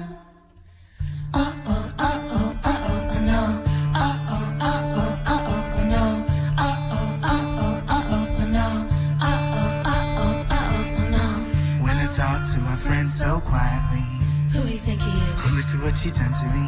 Tennis shoes don't even need to buy a new dress. You went there, ain't nobody else to impress. It's the way that you know what I thought I knew. It's the beat that my heart skips when I'm with you. But I still don't understand just how your love can do what no one else can. Got me looking so crazy right now. Your love's got me looking so crazy right now. Your love got me looking so crazy right now. Your touch got me looking so crazy right now. Your touch got me hoping you page me right now. Your kiss got me hoping you save me right now. Looking so crazy, your love's got me looking, got me looking so crazy, your love. Looking so crazy, your love's got me looking, got me looking so crazy, your love. Uh oh, uh oh,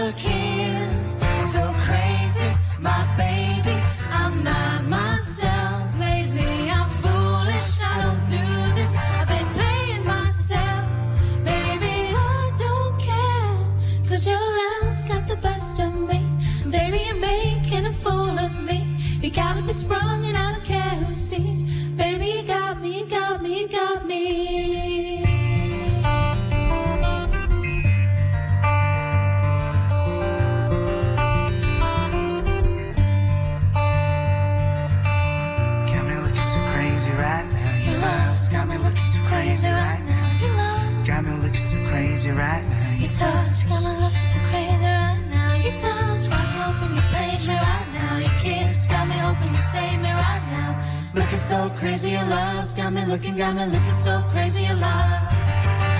Got me looking so crazy right now. Your love's got me looking so crazy right now. Your love got me looking so crazy right now. Your touch got me looking so crazy right now. Your touch got me hoping you page me right now. Your kiss got me hoping you save me right now. Looking so crazy, your love's got me looking, got me looking so crazy, your love.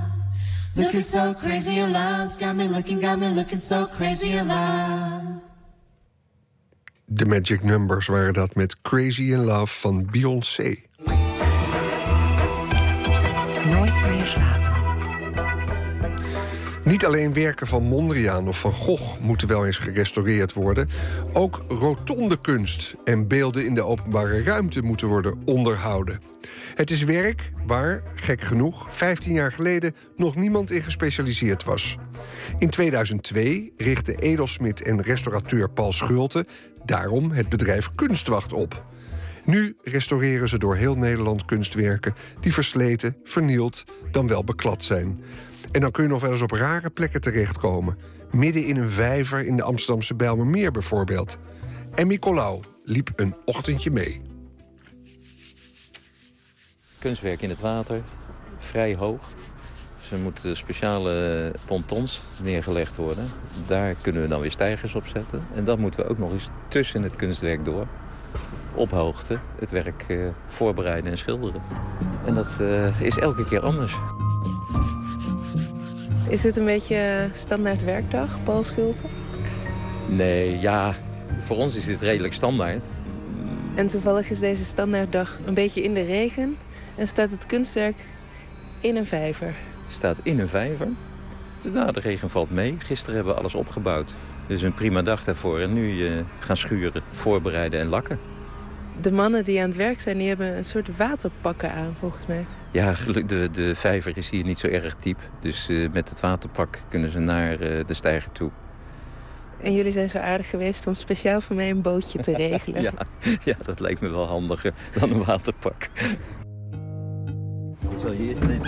Zo. Ga maar zitten. Een menselijke motor. Wordt begeleid door, uh, door Luc. Dankjewel. Kun je vertellen wat voor kunstwerk het is?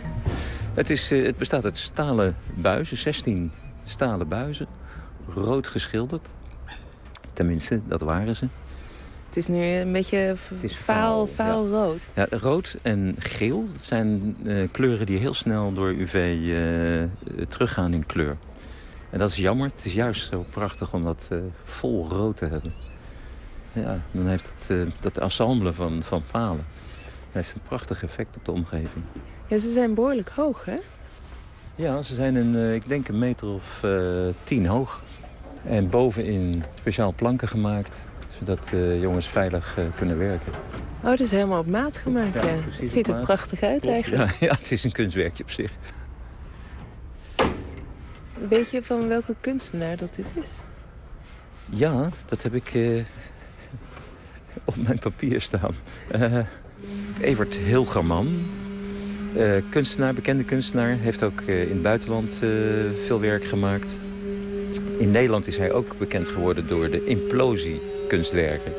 Dat zijn RVS stalen kubussen die door vacuümtechniek zijn geïmplodeerd.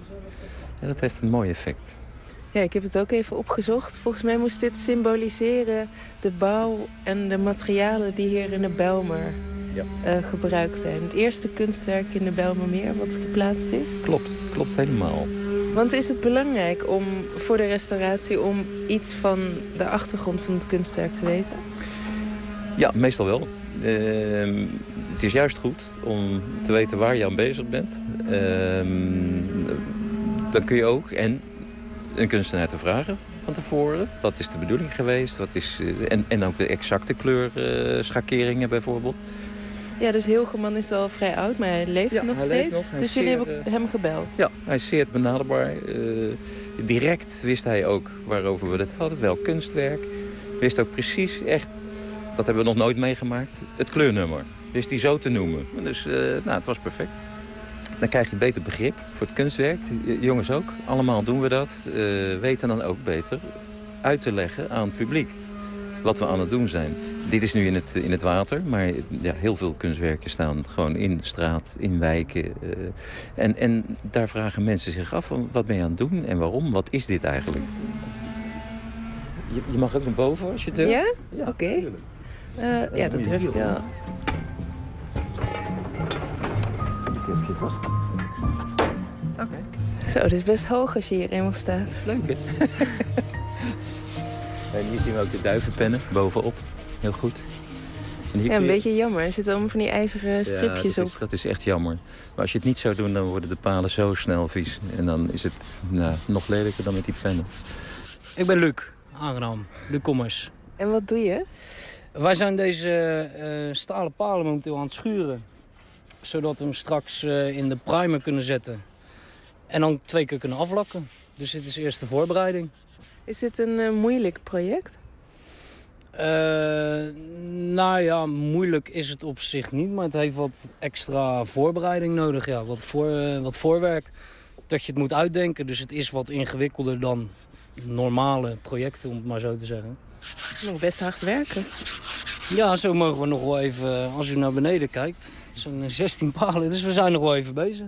Wat voor opleiding heb jij gehad? Ik heb eh, HBO bouwkunde afgerond, drie jaar geleden nu. Eh, ja, dat is drie jaar geleden heb ik mijn diploma gehaald. En je komt vanuit een hele andere achtergrond, vanuit die bouwkunde. Ben je nou eh, meer van kunst gaan houden door dit werk? Eh, ja, je kijkt wel op, op, op het, hoe moet ik dat zeggen, als je dan gewoon in het dagelijks leven over straat loopt. Of, ja, dan kijk je wel, de, de openbare kunsten vallen dan wel, wat voorheen eigenlijk niet zo was, vallen, vallen je dan wel op, ja. Bijvoorbeeld ook ja, bij ons in Delft, eh, er staan zoveel openbare kunstwerken waar ik voorheen dan eigenlijk niet echt naar omkeek. En nu valt dat dan wel veel meer op. Dan denk je, hé, hey, ik zie een roestplek daar. Mm, Ja, ja, nou bijna wel, ja. Maar hier eh, zat ook echt geen... eh, Nee, er zat helemaal geen, geen vuil op. Heb je nog iets nieuws ontdekt, Paul? Nou, waarschijnlijk is het toch eh, in ieder geval nog één keer helemaal overgeschilderd. De laatste keer. En het, eh, en het lijkt meer op een latexverf dan een, eh, een hele goede lak. Dus zo kun je toch nog voor verrassingen komen te staan. Ja, en dat komt, ja, kun je erbij komen makkelijk, dan doe je dat van tevoren. Maar hier merken we het pas nu op te stijgen. Hoe ben je in dit vak terechtgekomen? Het is een heel specialistisch vak. Klopt, het is voortgekomen uit een klein ander bedrijf, dat is Argeoplan. Daar eh, restaureren we in, met dat bedrijf, met de mensen die daar werken, eh, restaureren wij kunstvoorwerpen. Oude kunstvoorwerpen, hele oude, eh, archeologische objecten. En op een bepaald moment was ook de vraag, kun je ook een modern kunstwerk aanpakken, want daar is wat mee aan de hand. Daar zijn we mee aan de gang gegaan. En daar bleek eh, behoefte aan te zijn. In, eh, bij gemeenten. De gemeente heeft een verzameling. Elke gemeente heeft een verzameling kunstwerken. En die verzameling moet onderhouden worden.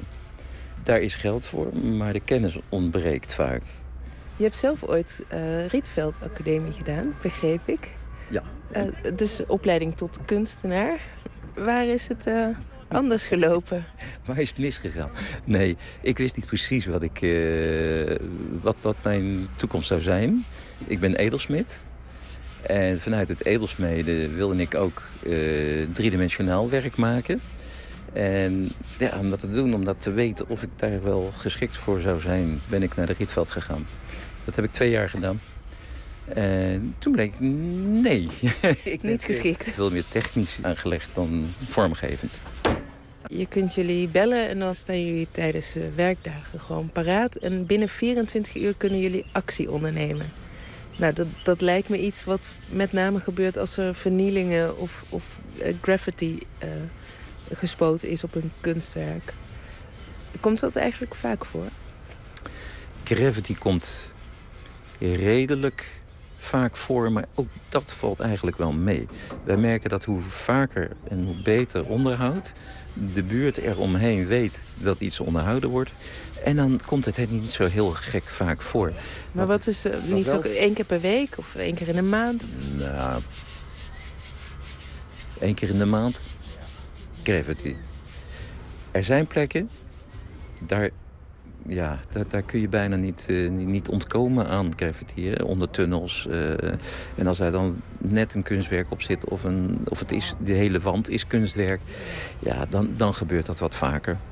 Maar ook dat is niet extreem veel. Wat wel voorkomt, en dat is ook niet echt veel, dat is het, eh, het, het aanrijden van een beeld. dat, dat gebeurt natuurlijk wel. Rotonde kunst. Dat valt nog mee, want daar willen ze nog wel van afblijven met, met een vrachtwagen. Maar nee, als, als ze moeten steken in een, in, een, eh, in een paar straten... en dan staat het een mooi kunstwerk op een hoek... en dan, ja, dan net wordt die aangetikt en valt om of eh, bijna. En dan... eh, Dat is wij- mooi lullig. Gaan wij daar snel naartoe? Ja, dat is heel vervelend. En, nou, gelukkig kunnen we het vaak repareren. Echte vernieling. Om te vernielen, dat, dat komt één keer per jaar voor. Dus u bent niet negatief over de mensheid gaan denken. Helemaal niet. Integendeel. Nu wij dus heel Nederland al een paar keer al die kunstwerken onderhouden hebben... en met buurtmensen eh hebben gesproken... weten we ook meer over hoe eh, kunst gewaardeerd wordt in de stad, in de wijk... eh, door verschillende mensen. En het blijkt dat het veel meer gewaardeerd wordt dan, dan zomaar eh, dan, dan je zou denken. 9 van de 10 verhalen zijn leuk. En eh, eh, we hebben ook wel eens politie op ons dak gehad. Want dan werd, werd de politie ingeschakeld... want ze dachten dat wij een kunstwerk aan het stelen waren. Nee, het is zo betrokken, zijn mensen. Zo hoort het. Heerlijk. Iemand die absoluut niet negatief over de mensheid denkt. Emmy Colau hoorde u eh, in gesprek met Paul Schulte van Kunstwacht. Het beeld Ruimtestructuur van Evert Hilgeman staat in de Bijlmer...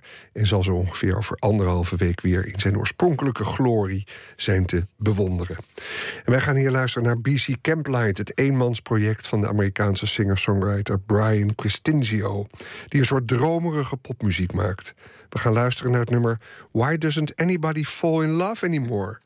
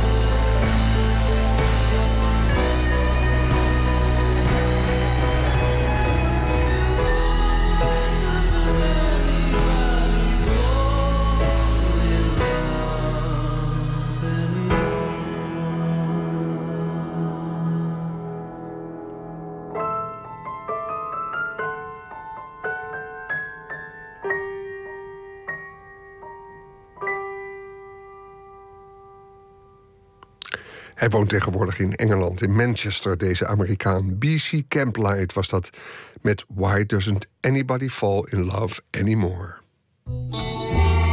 Nooit meer slapen. Vandaag werd bekend dat er een nieuwe versie van Rembrandts Nachtwacht komt. Eentje met erop krachtige vrouwen van nu als hoofdfiguren. Het is een fotografieproject en onze nachtcorrespondent Botte Jellema weet meer. Botte, goeienacht. Goeienacht. Over welke krachtige hedendaagse vrouwen hebben we het?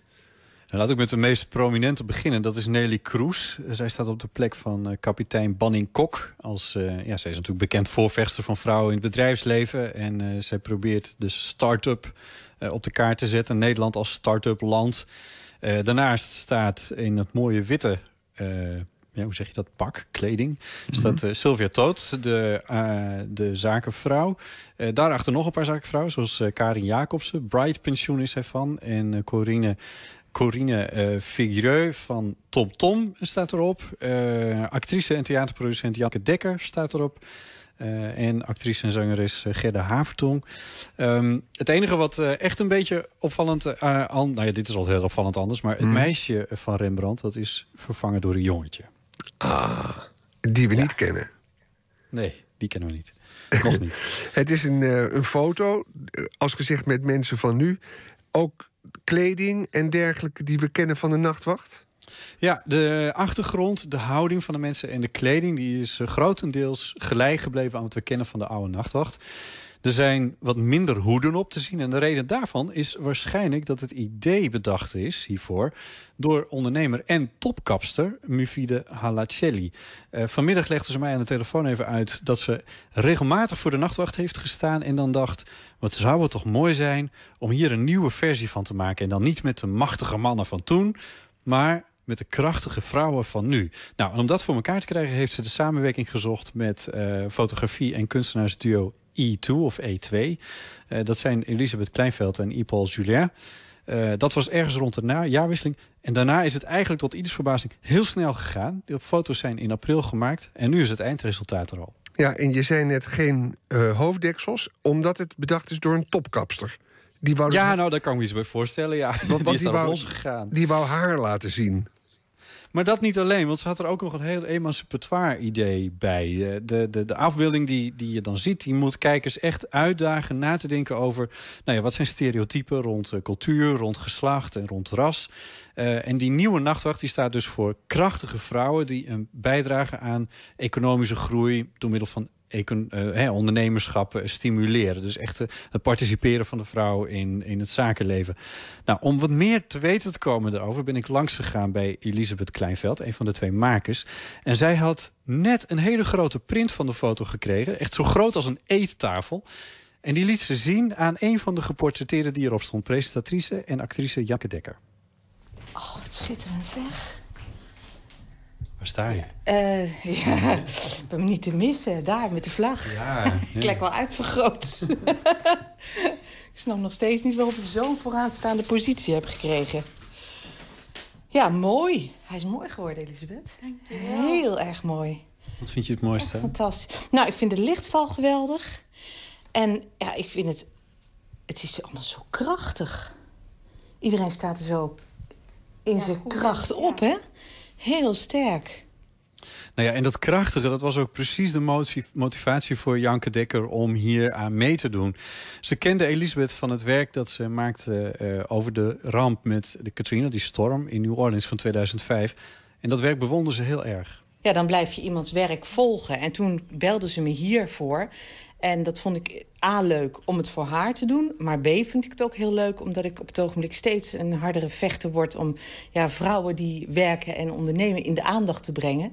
Omdat ik dat gezeur een beetje zat ben dat vrouwen niet te vinden zijn. Dat ik dan denk, ja, nou ja, dan kijken ze echt niet in de goede hoekjes. Dus dan vind ik het leuk dat dit weer iets is om ja, iedereen die toch echt al behoorlijk wat bereikt heeft en op, op behoorlijke posities zit, in de aandacht te brengen. Hoe, hoe kan dit werk eh, daaraan bijdragen? Door alleen al daar de focus op te leggen. Dat wij nu een nachtwacht hebben met alleen maar ondernemende vrouwen die, eh, ja, die ertoe doen. En die zelf het heft in handen hebben genomen. grappig, botten. Ehm, Ja. Nou zei je dat die compositie dezelfde is als op de originele Nachtwacht. Nou, dat is een enorm gepuzzel. Er staat, daar staan heel veel mensen op. Ik- Ik geloof een stuk of twintig dat we dat telden op de redactie. Ehm, dat allemaal is ook gekopieerd.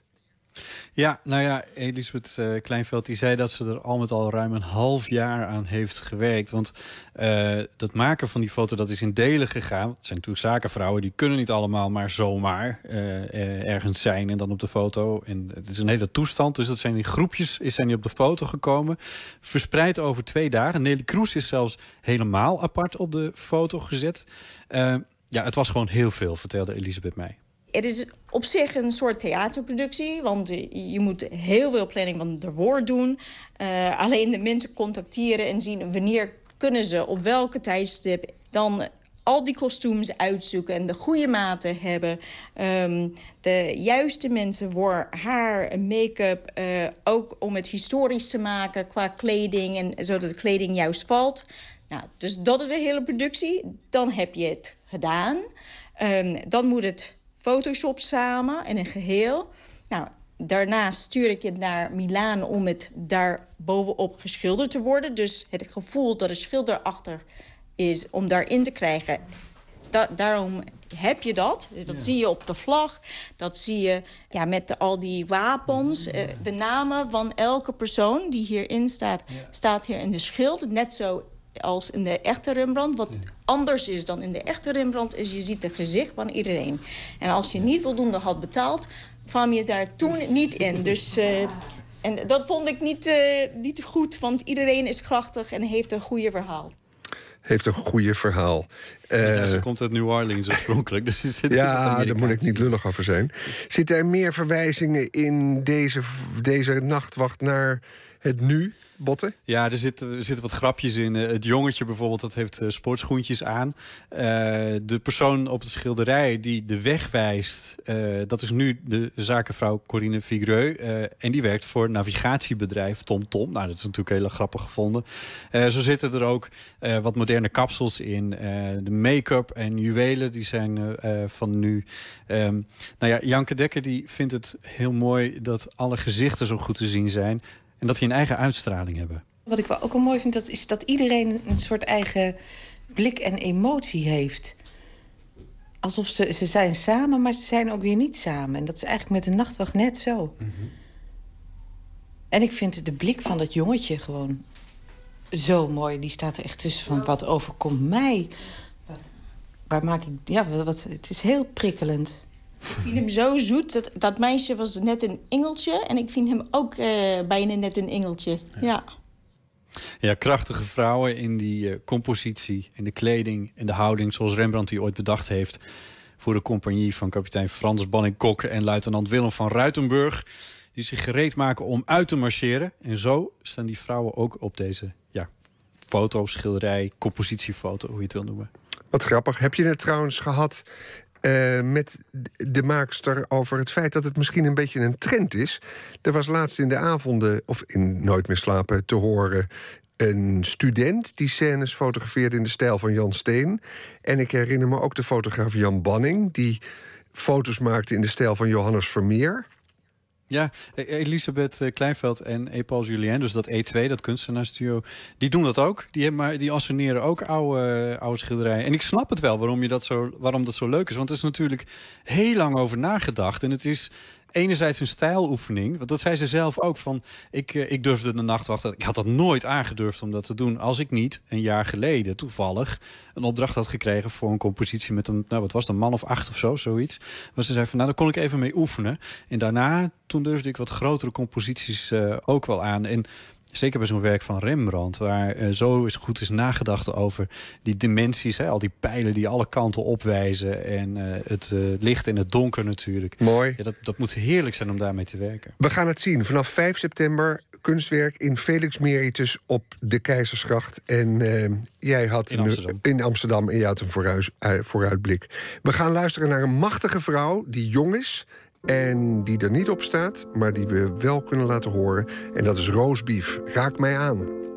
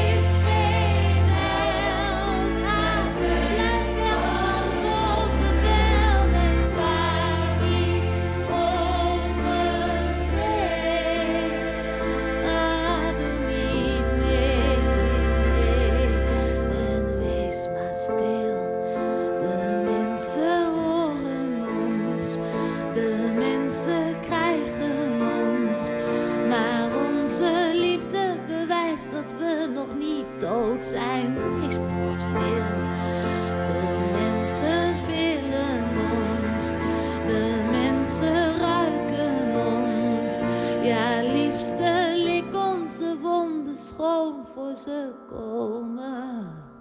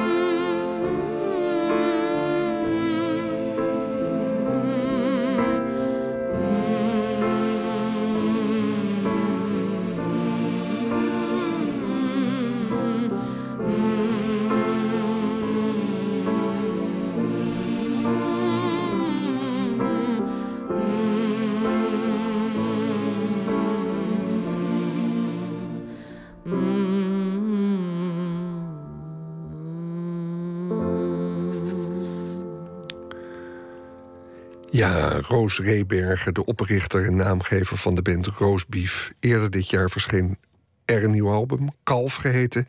En daarvan was dit Raak mij aan. Een moderne eh, classic, zou ik willen zeggen. Prachtig nummer.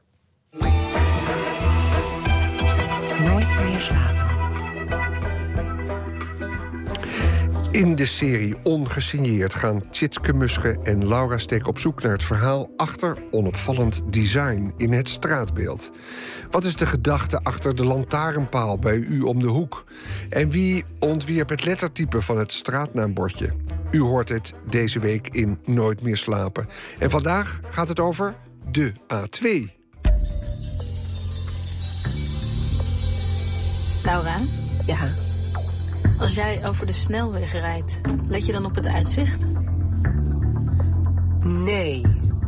Tenzij er opeens zo'n heel raar kunstwerk staat. waarvan ik denk: oh, ze hebben er dus toch over nagedacht. dat mensen iets te kijken moeten hebben. En dan denk ik ook vaak: maar is dat niet verspilde moeite? Want het is hier toch gewoon lelijk. Want je wilt er gewoon naar huis of naar je bestemming. En je wilt er zo snel mogelijk komen. En als je in de file staat, dan ga je toch eigenlijk ook niet om je heen kijken. Of doe jij dat wel? Ongesigneerd. Een serie over onopvallend design.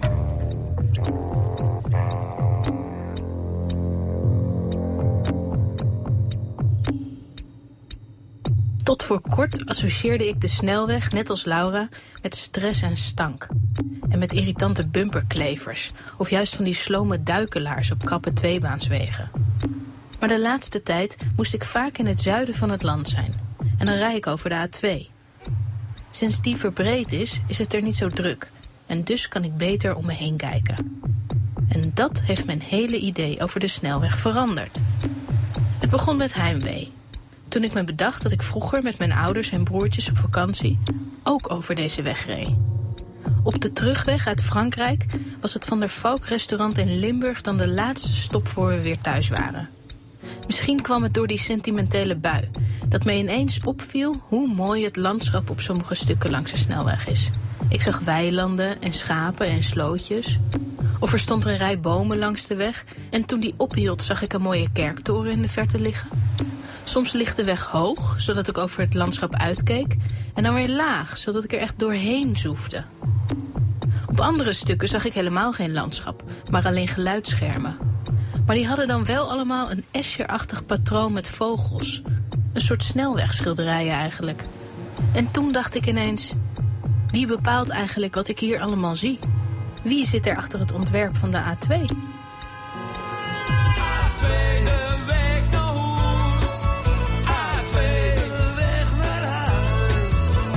Eerst maar eens de geschiedenis in. De A2 is een van de oudste snelwegen van Nederland... en het eerste stuk van Vianen naar Zaltbommel werd in 1936 geopend. Op 12 april 1954 volgde het stuk van Amsterdam naar Utrecht. Het was het eerste grote wegenbouwproject na de Tweede Wereldoorlog. Die van Amsterdam naar Utrecht wilde, moest tot voor kort gebruik maken van de beruchte weg langs de Vecht. Over een afstand van maar 38 kilometer telt die weg liefst 126 gevaarlijke bochten. Van een gevaarlijke kronkelweg langs de Vecht werd de Rijksweg 2 een kaarsrechte snelweg. Daardoor kon je twee keer zo snel van Amsterdam naar Utrecht rijden.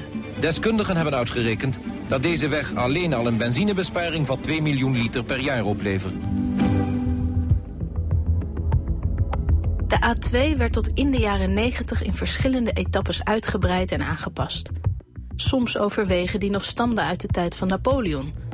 De aanleg van snelwegen gebeurde door Rijkswaterstaat... in samenwerking met Staatsbosbeheer. Daarbij werd niet alleen nagedacht over hoe zo'n weg technisch in elkaar moest zitten... maar ook hoe die eruit moest zien.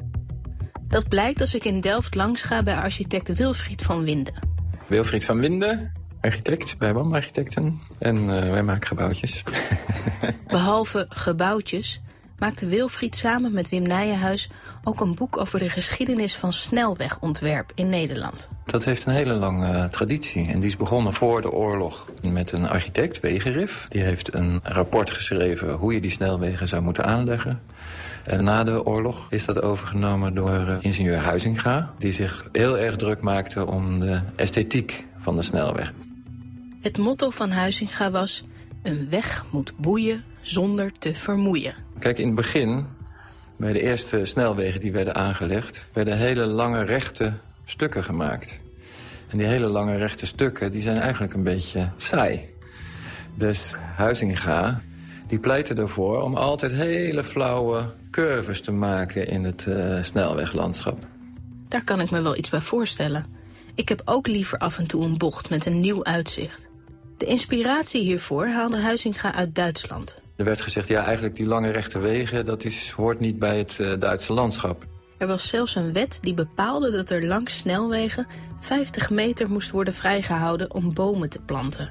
Zodat je eigenlijk altijd de illusie had, ook in hele kale landschappen... dat je je door het Duitse woud aan het begeven was.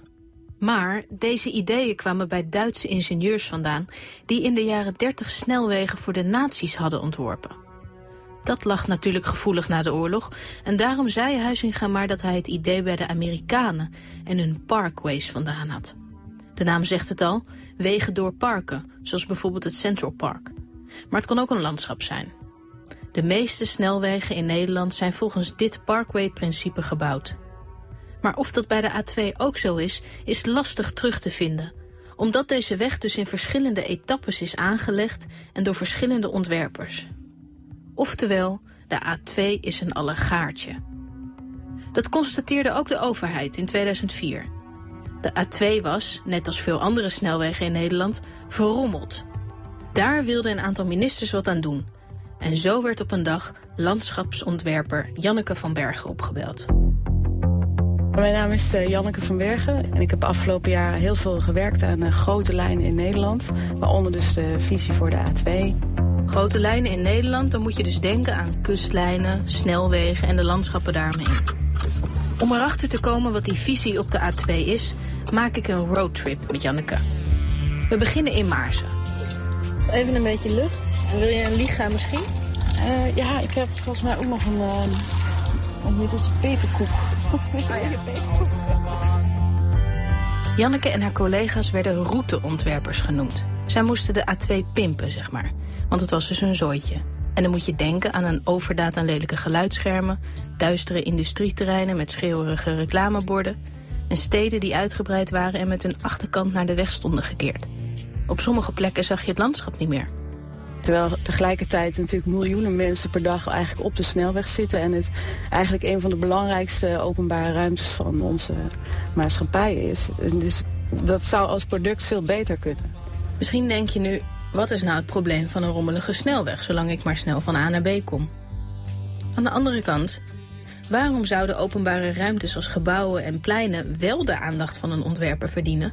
en een snelweg die dagelijks door honderdduizenden mensen gebruikt wordt niet... Daarom stapte Janneke met een team van landschapsarchitecten... mensen van Rijkswaterstaat, ecologen en gemeenteambtenaren...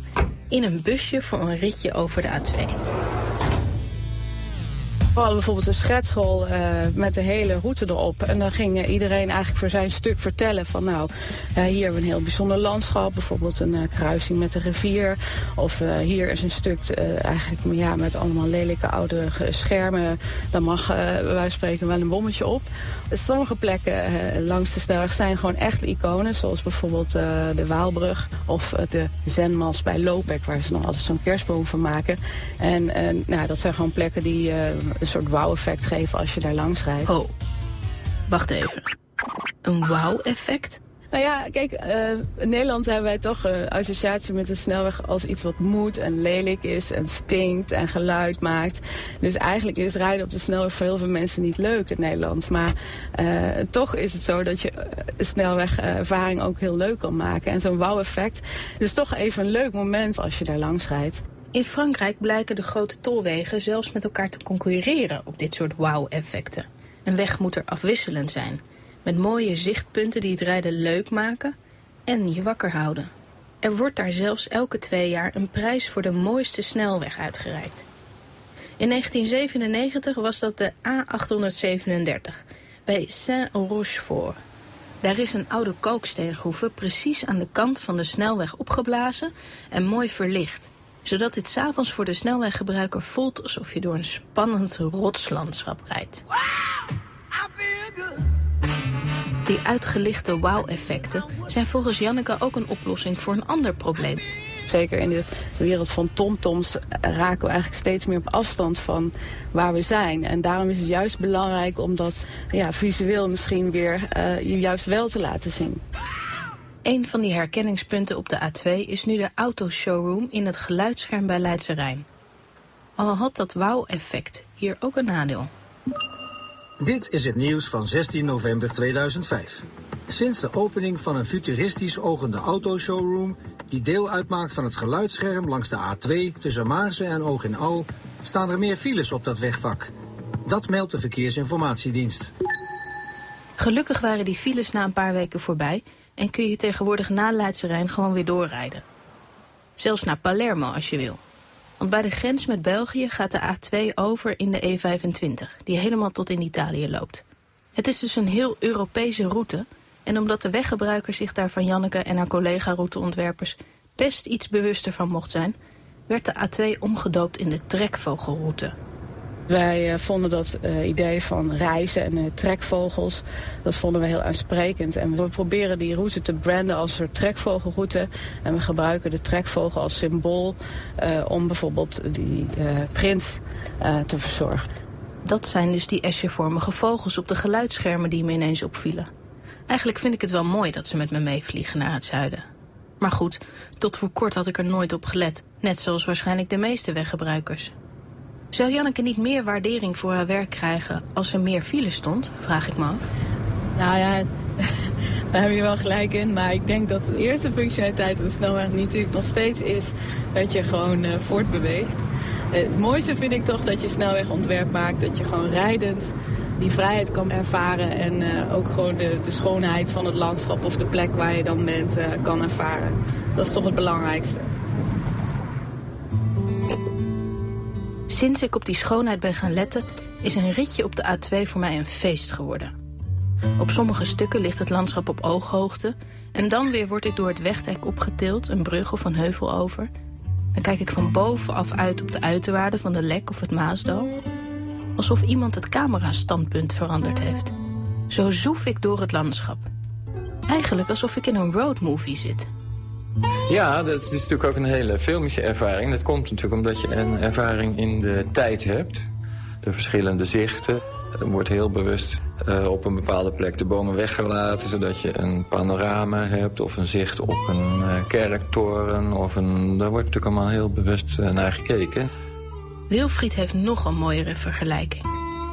Het is eigenlijk een soort choreografie, hè? vooral die, als je die curven mooi maakt. En in de Duitse literatuur wordt het ook wel vergeleken met een uh, tango-serenade bijvoorbeeld. Hè? Dat je uh, zo mooi gewicht wordt door het uh, landschap. Voortaan denk ik bij mijn ritjes over de snelweg dus aan een gepassioneerde tango. Met het landschap als dansvloer en de andere weggebruikers als danspartners. Dat scheelt vast ergernis en stress. Misschien ben ik nu ook wel sneller thuis.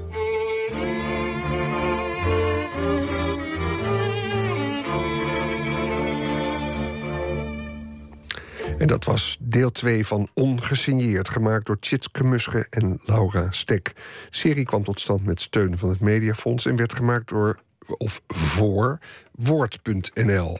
Daar ook zijn alle afleveringen uit de reeks te beluisteren. Het is inmiddels vier minuten voor twee. We komen toe aan het slotstuk van Nooit meer slapen. Annemieke Gerst is dichter en beeldend kunstenaar. In 2008 debuteerde zij met de bundel Waar is een huis? En dit jaar verscheen haar tweede bundel Het volume van een logier. Annemieke Gerst brengt ons deze week iedere nacht een gedicht van haar keuze. Vandaag is dat een gedicht van Mowak al-Sawat, getiteld Vorm.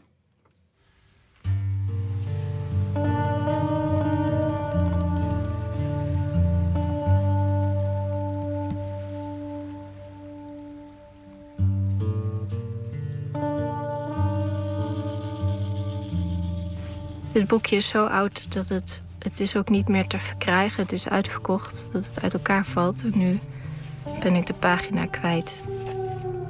Het is um, bundel van Muafak al Sawat. Het heet Een middag wit als melk. En het gedicht heet Vorm. En wat een toeval dat ik het nu niet kan vinden. Even kijken. Ja. Oh, ik heb, ik heb het, ik heb het. Sorry. Wat ik mooi vind aan dit gedicht is dat elke keer als ik het lees, dat ik opnieuw ga nadenken over de vormen die eigenlijk om, om de bundel heen zijn. Dus op dit moment twee kopjes met water en een lampje en een microfoon en een stapeltje bundels. En dat ik dan weer helemaal opnieuw ga kijken naar wat is dan vorm? En hoe wordt dat gemaakt? Vorm. Als de kaars wordt gevormd, krijgen de dingen gestalte. Worden de vingers gemaakt of vallen neer in een machteloos gebaar. Zelfs de oude vrijster wordt geschapen. Tegenover de oude man die klei likt, alles wordt gevormd. De gordijnen, de deuren, de brieven, de kamer, de muren. Ook de oude vriend krijgt een vorm. Net als de nacht. Al is die hardvochtiger als je hem niet streelt met muziek. Als de kaars omvalt, krijgt hij opnieuw vorm een wildvreemde gestalte. En dat was Annemieke Gerris met een gedicht van Mowak al-Sawat. En hier eindigt VPRO's de avonden. Tot slot nog iets over morgen. Dan komt Menno Meijers langs. Heeft in de internationale filmwereld een grote naam als regisseur en scenario-schrijver. Zo schreef hij de scenario's voor onder meer Steven Spielberg's Indiana Jones en The Last Crusade. En The Color Purple. En hij is bezig met Herman Koch's bestseller Het Diner. Eh, die is er morgen dus. Eh, bezig ook met nog het boek van Simone van der Vlucht. Nou, dat onder meer morgen in Nooit meer slapen. Wie weet tot dan, of anders later. Dag.